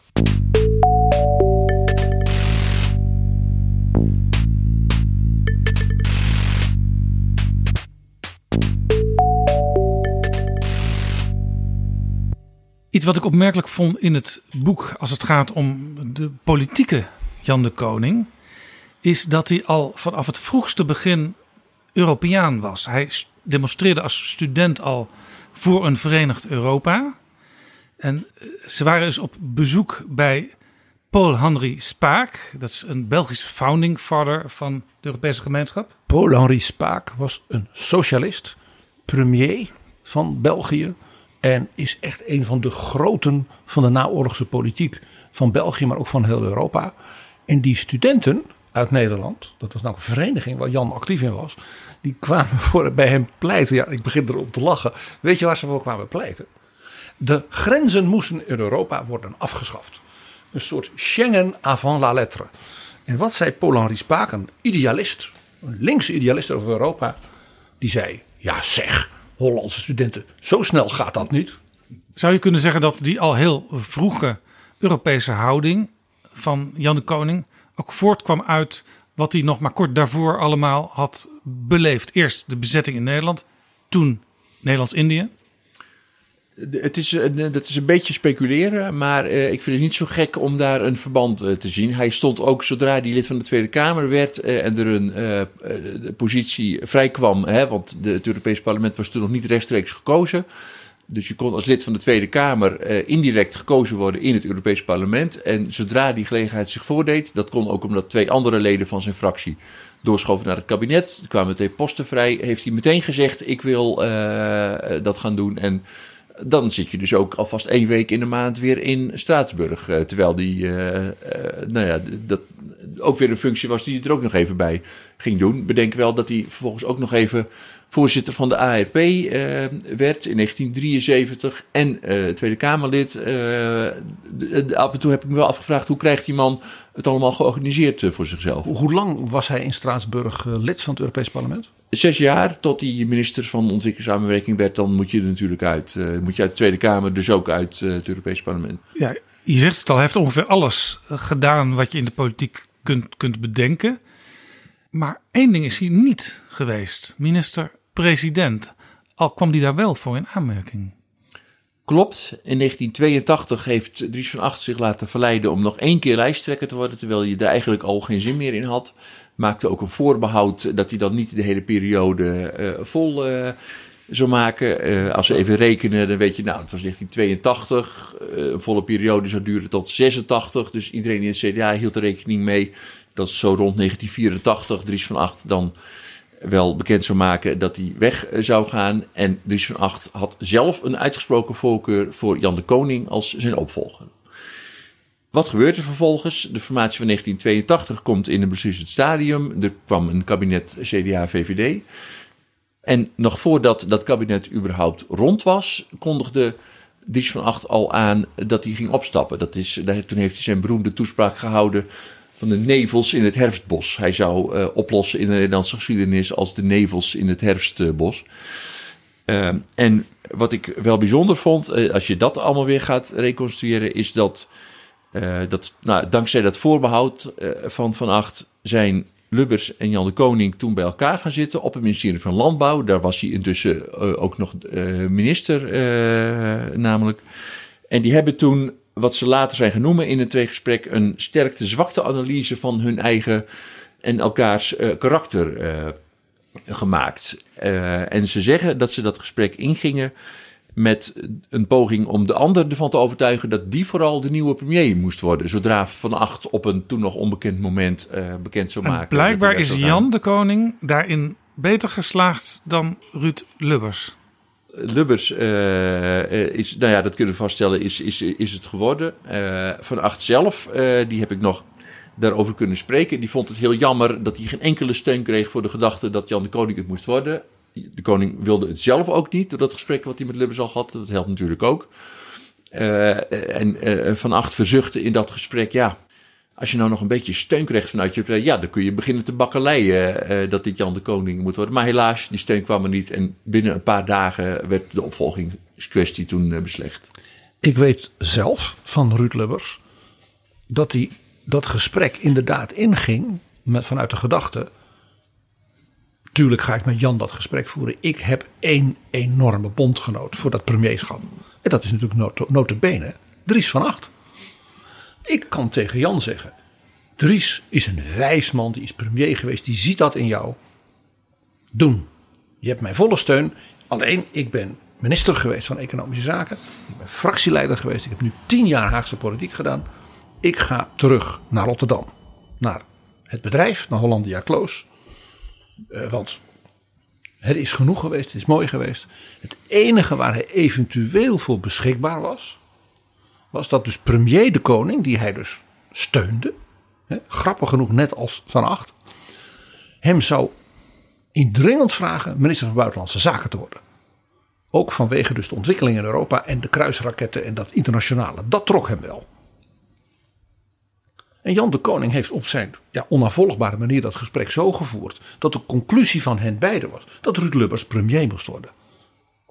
Chris, waarom, waarom zag Jan uiteindelijk toch meer in Lubbers dan in zichzelf als minister-president? Nou, Jan zei zelf. Uh, ja, ik, uh, ik, voor mij is het heel helder dat Ruud veel inventiever is dan ik. Als er een probleem was, dan was ik al blij als ik twee oplossingen kon bedenken. En Ruud had er zo zeven. En dat was ook wel eens een probleem. Dat werd later ook een probleem. Maar Jan zag dat als voordeel op dat moment. En heeft hem dat uh, gemaakt. Jan had daar een prachtige term over zichzelf voor. Hè? Hij noemde zich: Ik ben een solide middenmotor. Ja, hij noemde zichzelf een solide middenmotor. In dat kader is het misschien ook aardig om nog weer even te belichten. Uh, een bericht van het thuisfront tijdens de formatie. Want uh, Jan zou dus minister van Sociale Zaken worden. Maar Molly stribbelde tegen. Molly zei van nou, dat, dat vind ik niks. Hè? Dus naast dat eerste reactie van daar heb je geen verstand van. Toen het dus nog de dagen daarna doorging, was het van ja, maar dat is te zwaar. En gezondheid is een issue. En was natuurlijk het regeerakkoord, was inmiddels al binnen. En er moesten in die sociale zaken portefeuille miljarden gesneden worden in uitkeringen en alles. Je noemt hier iets, zijn gezondheid. In 1975 had hij een hartinfarct gehad. Ja, hij had een zwaar hartinfarct gehad omdat hij drie banen, fulltime banen, tegelijk vervulde. Werd net al gezegd, uh, uh, hij zat in, in het uh, parlement in Nederland, hij zat in het Europees parlement en was voorzitter van de ARP, die op dat moment ja, door een nogal draconische periode ging, omdat ze in het kabinet waren gestapt waar niet iedereen achter stond, waardoor ook de vorming van het CDA ter discussie stond. Dus, ja, en Jan was een enorme zware roker. Ja, ja, hij is van jongs af aan heeft hij altijd gerookt. Ja, hij heeft dat eerlijk gezegd nooit helemaal afgeleerd. Als je de beelden terugkijkt, dan uh, nou, na de, de, zijn operatie zei hij: Ik ga alleen pijp roken. Maar ja, we hadden toen alleen maar Nederland 1 en Nederland 2. Dus zoveel televisie was er niet. Maar ik kan me nog goed herinneren als kind dat dan uh, Den Haag vandaag van het programma toen in was. En dat je hem in beeld zag heel snel zijn sigaret wegstoppen achter zijn rug. Zodat niemand kon zien dat hij rookte. Nou, dat vooral Molly dat niet zag. Molly dat en dat Molly niet gerust werd als ze dat uh, op tv zou zien. Ja, Molly was waarschijnlijk slimmer dan Jan op dit punt. Want die zag het natuurlijk wel. Die zag dat wel. Die zag ook dat het iets goed was. Maar in alle eerlijkheid, hij was zo verslaafd dat hij gewoon daar niet ik las, las ook een ingrijpend ding in, in het boek. Toen hij dat infarct had gehad in het ziekenhuis lag. Toen had hij opdracht gegeven: Mijn vrouw mag mij niet zien hier. Blijkbaar was hij er zo aan toe. Hij wilde haar dat niet aandoen. Ja, ja. Nee, dat klopt. Ja. Dat lag heel emotioneel. Ja. En daar heb ik van ontdekt dat ook dat, uh, je kunt je eigen hartinfarct uh, kennelijk ook nog weer relativeren. Want ik heb een getuigenis vernomen van iemand die toen bij hem op bezoek geweest is, toen het in 1975 net gebeurd was. Je moet je voorstellen, een derde van zijn hart was uitgevallen. Dat is uh, onvoorstelbaar, dat kwam ook niet meer terug. Maar dat is kennelijk wat een mens nog net uh, kan hebben uh, als je daarna weer goed... maar goed, roken en drinken, dat ging hij daarna weer doen. Er kwam toen iemand bij hem aan zijn ziekenhuisbed. Die zei, goh, Jan, een derde van je hart. Poeh, dat is toch wel wat zo. En toen schijnt hij gezegd te hebben, nou dat valt eigenlijk wel mee, want weet je, we zijn als mensen uh, ervoor gemaakt om uh, met een speer achter zwijnen aan uh, te lopen. Vroeger. En ja, dat hoeft nou niet meer. Onvoorstelbaar dat je zo je eigen hartinfarct kunt relativeren.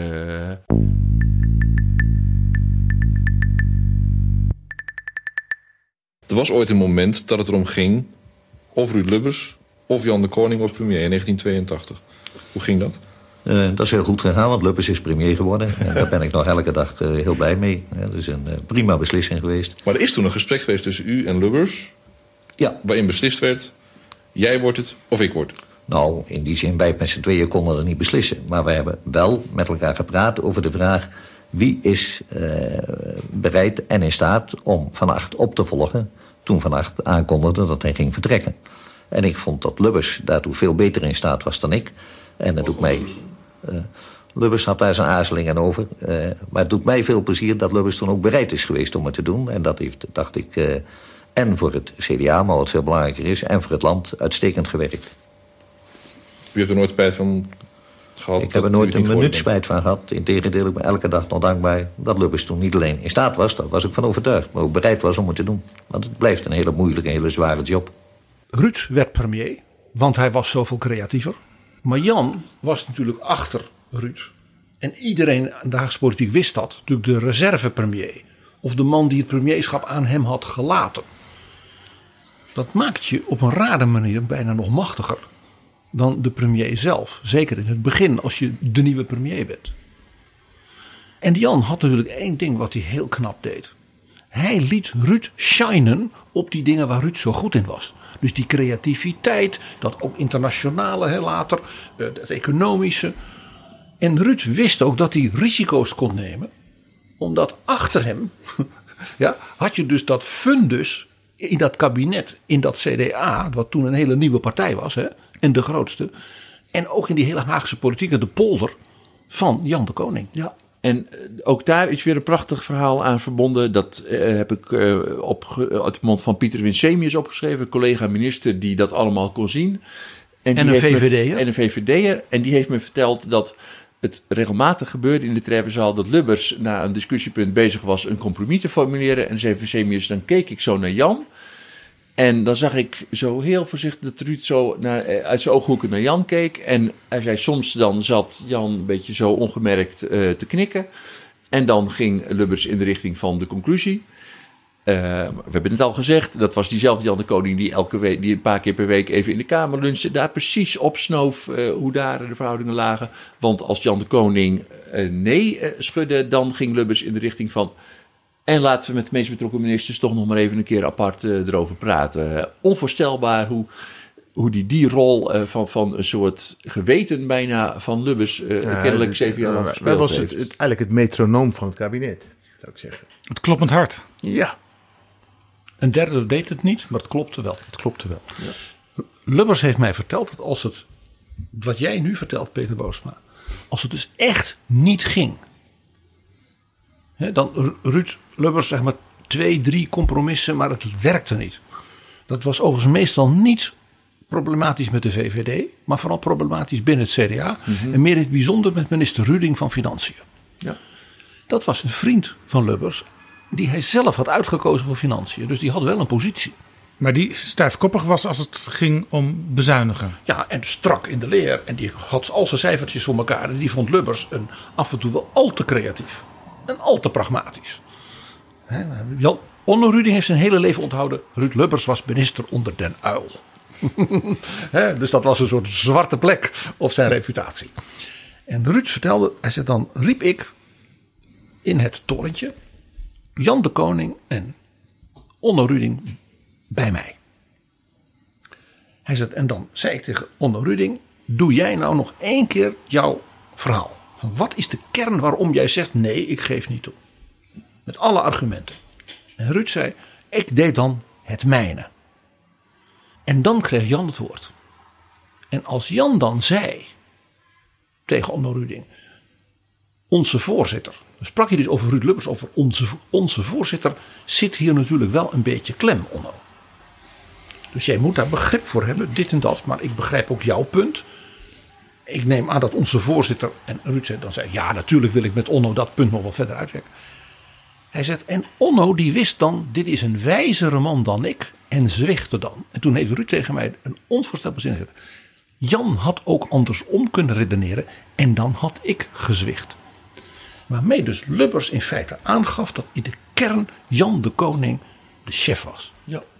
Jan de Koning was de echte leider, zowel in het CDA als in dat kabinet. En dus Dries van Acht met zijn gedachte. Jan de Koning moet vanwege dat het zo'n stevige man is, zo zeker en zo afgewogen, moet premier worden, had op een rare manier gelijk gekregen. En hier vinden we het sleutelmoment voor ook het kabinet Lubbers 3. Daarin zat Jan de Koning niet meer. Deze keer uh, lukte het Molly om hem niet weer aan het kabinet uh, voor een periode af te laten staan. Had hij gewild?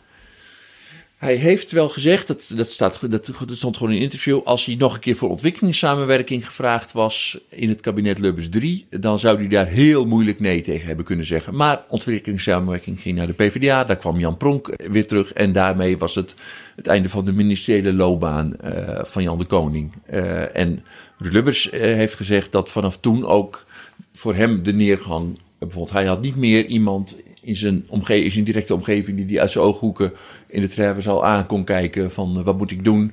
Is zelfs in het CDA nog vergaderd over van goh, wie zou die rol eens even over kunnen nemen. Vergeet het maar, zo iemand die zoek je niet uit, die dient zich als vanzelf aan. Ruud Lubbers heeft in het meest indringende gesprek dat ik voor de Rogge, boek over het CDA, heb met hem gevoerd. Op een bepaald moment viel er een lange stilte, zei hij, je zou kunnen zeggen dat het met mij misging toen Jan weg was. En de emotie in zijn stem, want dat was niet lang na de begrafenis van Jan. Dus er kwam een diepe, dat kwam uit zijn tenen. Want dat was na een uur, dat, als het, dat hij de, het was ook een soort bekentenis. Ja, het lijkt mij is, een uh, rake een, waarneming ook uh, van uw Lubbers.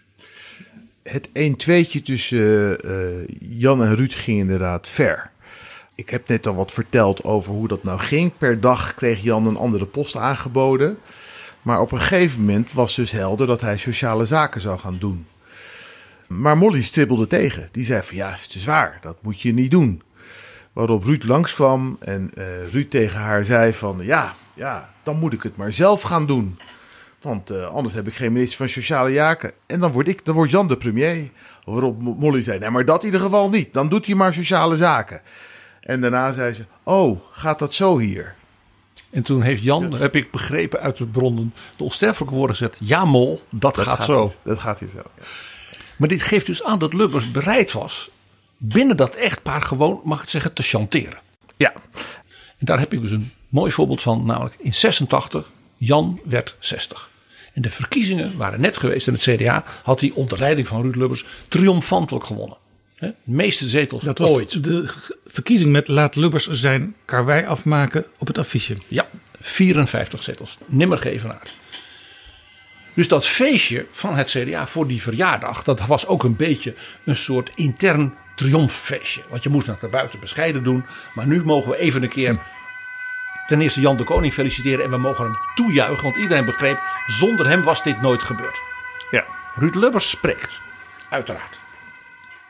En die zegt: Ja, en Jan is toch weer minister van Sociale Zaken geworden. Want ik wist precies het moment dat dat zou gebeuren. En dat was op die avond van de verkiezingsuitslag. Ik probeerde Pulgri Studio in Den Haag, waar dus de manifestatie van het CDA was, binnen te sluipen. Maar er was iemand die zag mij. Molly. En die rende spontaan als zij hè, van nature was op hem af en omhelsde hem om hem te feliciteren. En heel fotograferend Den Haag was daarbij. En Ruud zei toen met een bijna satanisch soort glimlach. Op dat moment wist ik, jij kunt niet meer terug. En dat is een iconische foto die natuurlijk ook in het boek staat van uh, Ria Lubbers en Molly de Koning die samen Lubbers omhelzen. Daar is nog weer een mooi verhaal over, uh, Chris, uh, ook in de familie, over die foto. Ja, uh, helaas kon Peter dat niet terugvinden en dus niet bewijzen. Maar wat hij zegt over. Wat, ja, het verhaal wat, wat, wat ik heb gehoord over die foto is. Die, die omhelzing waarin Molly aan de ene kant van hem stond en zijn vrouw Ria aan de andere kant. zorgde ervoor dat Ruud Lubbers uitgelaten was op een manier zoals hij zichzelf eigenlijk nooit liet zien. Dus de fotografen die dat schoten, die zeiden van... hey, dit is wel heel bijzonder, Lubbers helemaal blij. Maar wie is toch die donkere vrouw met wie die doet? ja. Waarop dus iemand tegen hen zei van... ja, dat is de vrouw van Jan de Koning. En toen wisten ze, wij hebben hier een iconische foto, een money shot. En daar, zo is het ook de, de, de geschiedenis ingegaan. Maar dat was in eerste instantie niet, de, niet bekend. Maar het meest opmerkelijke is dus dat die uitgelaten Ruud Lubbers... in dat andere stukje van dat hoofd alweer een politiek, mag ik zeggen, opportunistische machtscalculatie speelde. Waarbij hij dacht: Jij bent nu zo blij, Molly. Dat ga ik tegen je gebruiken. Want je gaat natuurlijk weer zeggen dat het te zwaar is. En dat hij nu niet weer minister mag worden. Op dat moment wist ik: Jij kunt niet meer terug. Vrienden. verontschuldigingen voor de baard.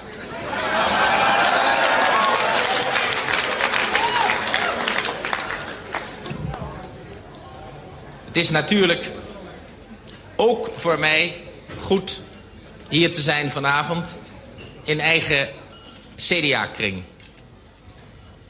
Allereerst om de mensen uit de partij dank te zeggen. Dank voor de steun in de moeilijke periode.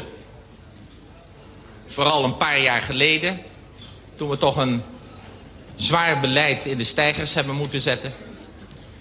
CDA heeft toen zijn ministers en mij ook niet in de steek gelaten. En ik wil dat vanavond in herinnering roepen. Goed ook om het hier vanavond te vieren, dat we er goed uitkomen. Omdat het uh, ook een stuk bevestiging inhoudt voor al diegenen die een uh, geweldige inzet gepleegd hebben in de afgelopen maanden. Dit is Betrouwbare Bronnen. Hoi, ik ben Alexander Klupping. Ik weet dat jij, net als ik, met heel veel plezier luistert naar Betrouwbare Bronnen. Maar je zou Jaap en PG echt helpen als je nu vriend van de show wordt. Dat kan met een donatie, per maand of per jaar. En dan kunnen ze nog veel meer afleveringen maken en zeg nou zelf, dat wil jij ook. Dus ga nu naar vriendvandeshow.nl slash bb en doe het niet straks, maar nu. Peter Bootsma, het boek heet Als het niet kan zoals het moet, puntje, puntje, puntje. Waar komt die titel vandaan? Dat is een van de vele uh, zogeheten boerenwijsheden waar Jan de Koning zich graag van uh, bediende en die hem ook ontzettend vaak uh, hebben geholpen. Er is een Liber Amicorum wat voor hem gemaakt is door het ministerie van Sociale Zaken, waar er een aantal ook van in staan. Die ambtenaren hebben natuurlijk ook zeven jaar lang die wijsheden gehoord. En er waren ook wel momenten, het is wel grappig om dat nog te vertellen, dat ze af en toe dachten van nou, dat kunnen we ook wel tegen hem gebruiken. Uh, Zo'n uitdrukking is bijvoorbeeld ook, ja, uh, het heeft geen zin om aan een dood paard te trekken. uh, en de ambtenaren op sociale zaken gebruikten die ook wel eens omgekeerd als ze dachten dat hij als minister met iets onmogelijks bezig was. Dat kwam ook wel eens een enkele keer voor. En ik zie dan zo'n beeld voor me van dat ministerie waar een ambtenaar tegen zijn minister zegt: Ja, Jan of meneer de minister, dit is een dood paard. dat heeft geen zin om eraan te trekken. En hij schijnt toen een keer teruggeantwoord te hebben: Behalve als je met genoeg mensen komt aanzetten. en zo wist hij dus zijn eigen boerenwijsheden ook weer mooi te relativeren. De deruralisering van zijn grappen. Ja, als het niet kan zoals het moet, dan moet het maar zoals het kan. Dat was er ook zo een. Ja. En dat is bijna altijd volkomen verkeerd begrepen. Want dat is begrepen en geïnterpreteerd, gezegd, als de man was de ultieme pragmaticus. Nee. Jan de Koning bedoelt daar iets anders mee. Die zei: Als het niet kan zoals het moet, dat betekent dat je dus ook hè, als informateur, hè, dat je heel helder en diepgaand moet analyseren wat moet.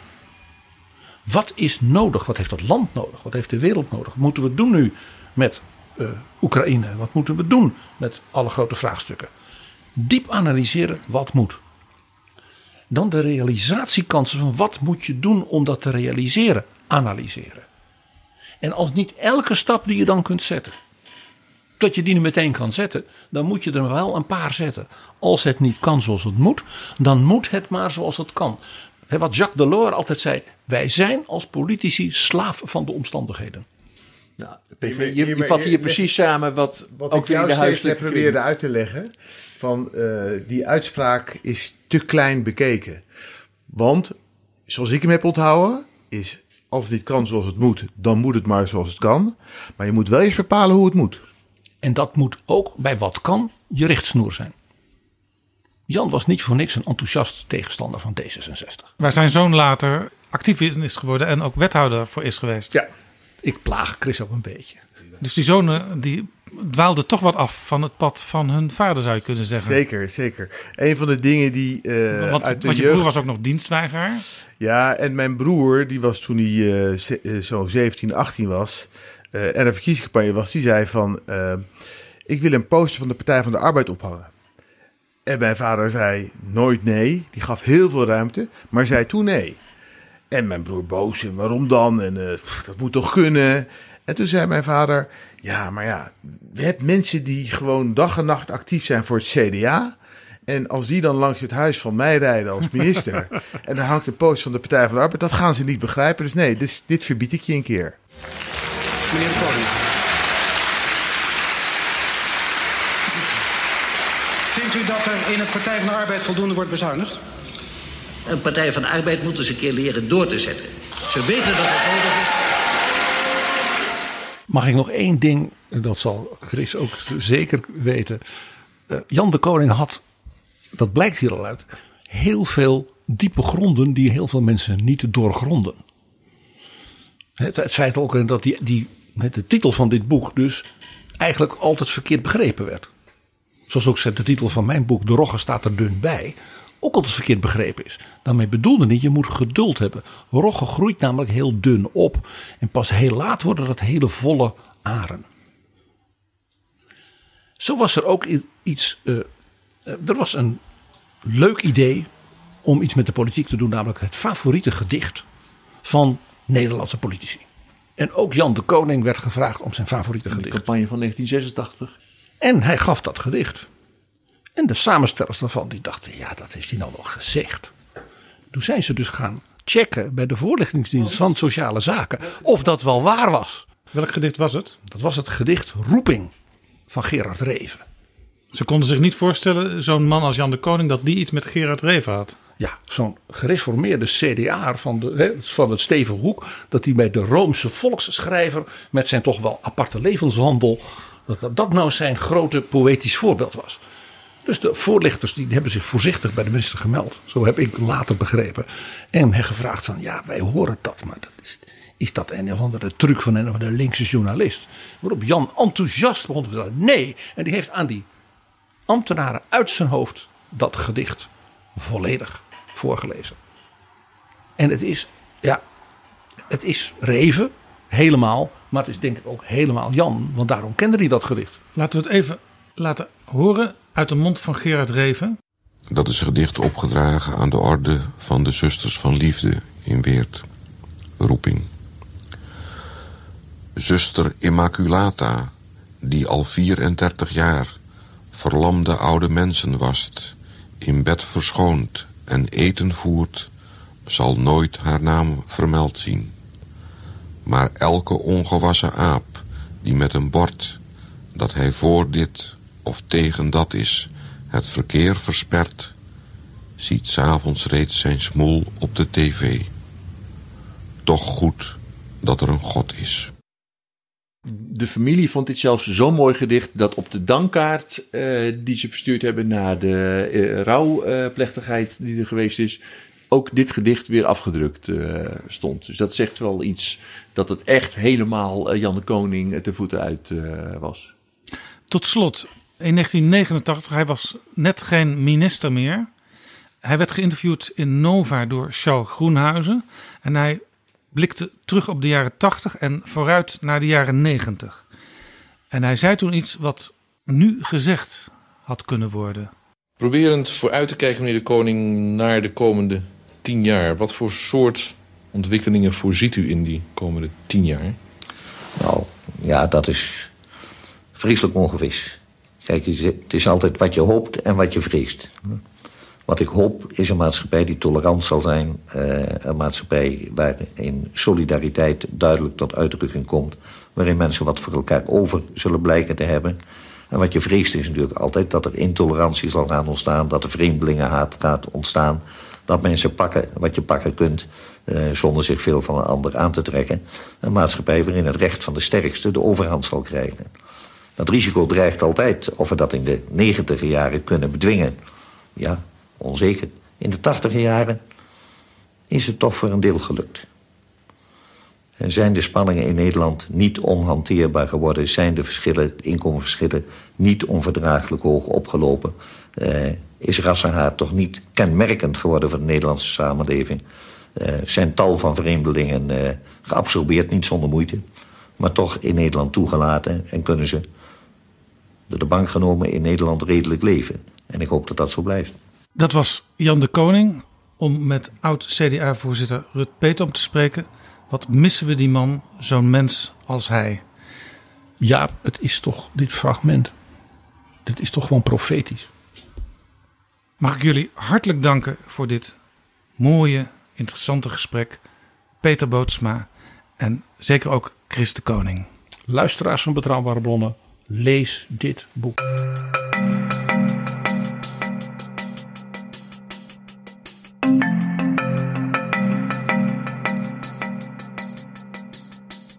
Zo, dit was Betrouwbare Bronnen, aflevering 385. Deze aflevering is mede mogelijk gemaakt door onze donateurs. Wil jij ook vriend van de show worden? Ga dan naar vriendvandeshow.nl/slash bb. En uitgeverij Boom stelt vijf exemplaren beschikbaar voor de vrienden. Als je vriend bent, krijg je bericht hoe je daarvoor in aanmerking kan komen. En tot slot, PG. We hadden het in het begin van deze aflevering even over de kabinetsformatie. Ik hoorde jou afgelopen zaterdag opeens op BBC Radio 4 bij Nick Robinson. Ja, uh, Nick Robinson die heeft zich bij mij gemeld via zijn redactie. En daarna ook persoonlijk. Van is er iemand in staat to explain this Dutch shit stuff? En nou ja, uh, mijn naam was getipt vanuit Brussel nota bene. Dus dat werd een radiooptreden in het meest beluisterde politieke nieuwsprogramma van de BBC. Laten we even luisteren. What just happened in the Netherlands? And what does it tell us about the direction of politics in Europe? How, in other words, did a man dim- dismissed for years as an Islam hating extremist with a Trumpian haircut transform himself into the leader whose party won the most votes in this week's Dutch elections? And can he be stopped from becoming prime minister without fueling more anger from those who see himself as their champion? Now, I was keen to talk to someone who would understand all this, and our next guest was sold to me as the Alistair Campbell of the Netherlands, a man with a podcast rather more popular, I was told, than that podcast. He's called P.G. Kruger, historian, political commentator, and the presenter of the podcast Trusted Sources. Good morning to you, PG. Good morning hmm. from The Hague. Well, good to talk to you. Now, let's begin with Mr. Wilders before we broaden out. Was his success more than simply a reflection on the failure of the Conservative ruling elite, as it were, those people who've been running the country for many years? Oh, yes, you're right. Uh, there are three reasons this happened. This uh, completely uh, unexpected, also, uh, triumph of the far right. Well, the first is that the governing Liberal Party blew up its own cabinet uh, on the issue of we can't get any grip on migration. So they wanted to show the electors, and in particular their own party Congress, uh, that they could really be uh, strong. What happened then was that the prime minister, who for 13 years had been their leader, resigned from politics. He said, I've done enough now. That's so reason one. Mr. Rutte, as you know. Hmm. And uh, what happened then, of course, that the voters got two messages. First of all, that the governing party of 13 years under Mr. Rutte, who leaves, acknowledges that it doesn't get any grip on immigration. And second, that it promises it will do better now. And to do that, they blew up their own government and they sort of kicked out their own prime minister. And do you think Dutch voters on that point, first of all, decided, well, why don't we vote for the real thing? If we want an anti immigration party, don't vote for Rutte's lot. Uh, let's vote for Wilders. Well, he was, of course, a sort of the owner of the issue. And he, he, he sort of campaigned on the famous uh, bon mot of Jean Marie Le Pen from France. You know, if you can get the copy, why not take the original? Yeah. Now he then did something. This, I think, is the second of your reasons, isn't it? To make himself more acceptable to the yes. electorate. Yes, because, because this, let's say, centre-right electorate, which was fed up, you know, you know with what what what happened, was also, of course, very very suspicious of his Islam, anti-Islamic rants and stuff like that, uh, saying that he would send the police into every home which owned a Quran, for instance. He said that openly in Parliament. But now? And now he said, well, we have to work together. We have to serve the country. And there was a joke, I, wasn't there, in Dutch? Not not calling him Wilders, but calling him Milders, Milders. Yeah, because he'd moderated his views. And the third factor. that's what he said. Yeah. And this is also very interesting because that is a leaf from the book not, not of Jean-Marie Le Pen, but of his daughter Marine Le Pen, who did exactly that. She softened even her haircut. She softened the colors of the party, you know, uh, messages. Briefly, Uh, I'm so sorry to rush you, PJ Kruger, but the last thing you think the war in the Middle East played a role as well? Absolutely. Uh, Hamas was the secret campaign manager of Mr. Wilders. Because? Because he had ranted against Islam, Muslims, uh, young Moroccans, Turks, etc., here in Holland. And just people looking at the TV. And Holland, of course, is a very ancient, strong ally of Israel. So people, especially elderly people, looking at that and they thought, oh my God, look at these Hamas people. Well, maybe he's right. He is all right. Yeah, yeah. How fascinating! I'm sorry to rush you. It's been fascinating to do it. If you speak Dutch, you can listen to trusted sources. But PJ Kruger, thank you very much indeed for joining us. Dat was Nick Robinson in gesprek met eh, PJ Kruger. Eh, een warm welkom aan alle BBC-luisteraars die Nederlands verstaan. Welkom bij Trusted Sources. Become a friend of the show. En misschien als we de komende weken, maanden naar de kabinetsformatie kijken, zullen we nog wel eens denken aan een ander bonmot van Jan de Koning, wat tot nu toe niet ter sprake is geweest. Een plant groeit niet door aan zijn bladeren te trekken. Tot volgende keer. Betrouwbare bronnen wordt gemaakt door Jaap Jansen in samenwerking met dag en nacht.nl.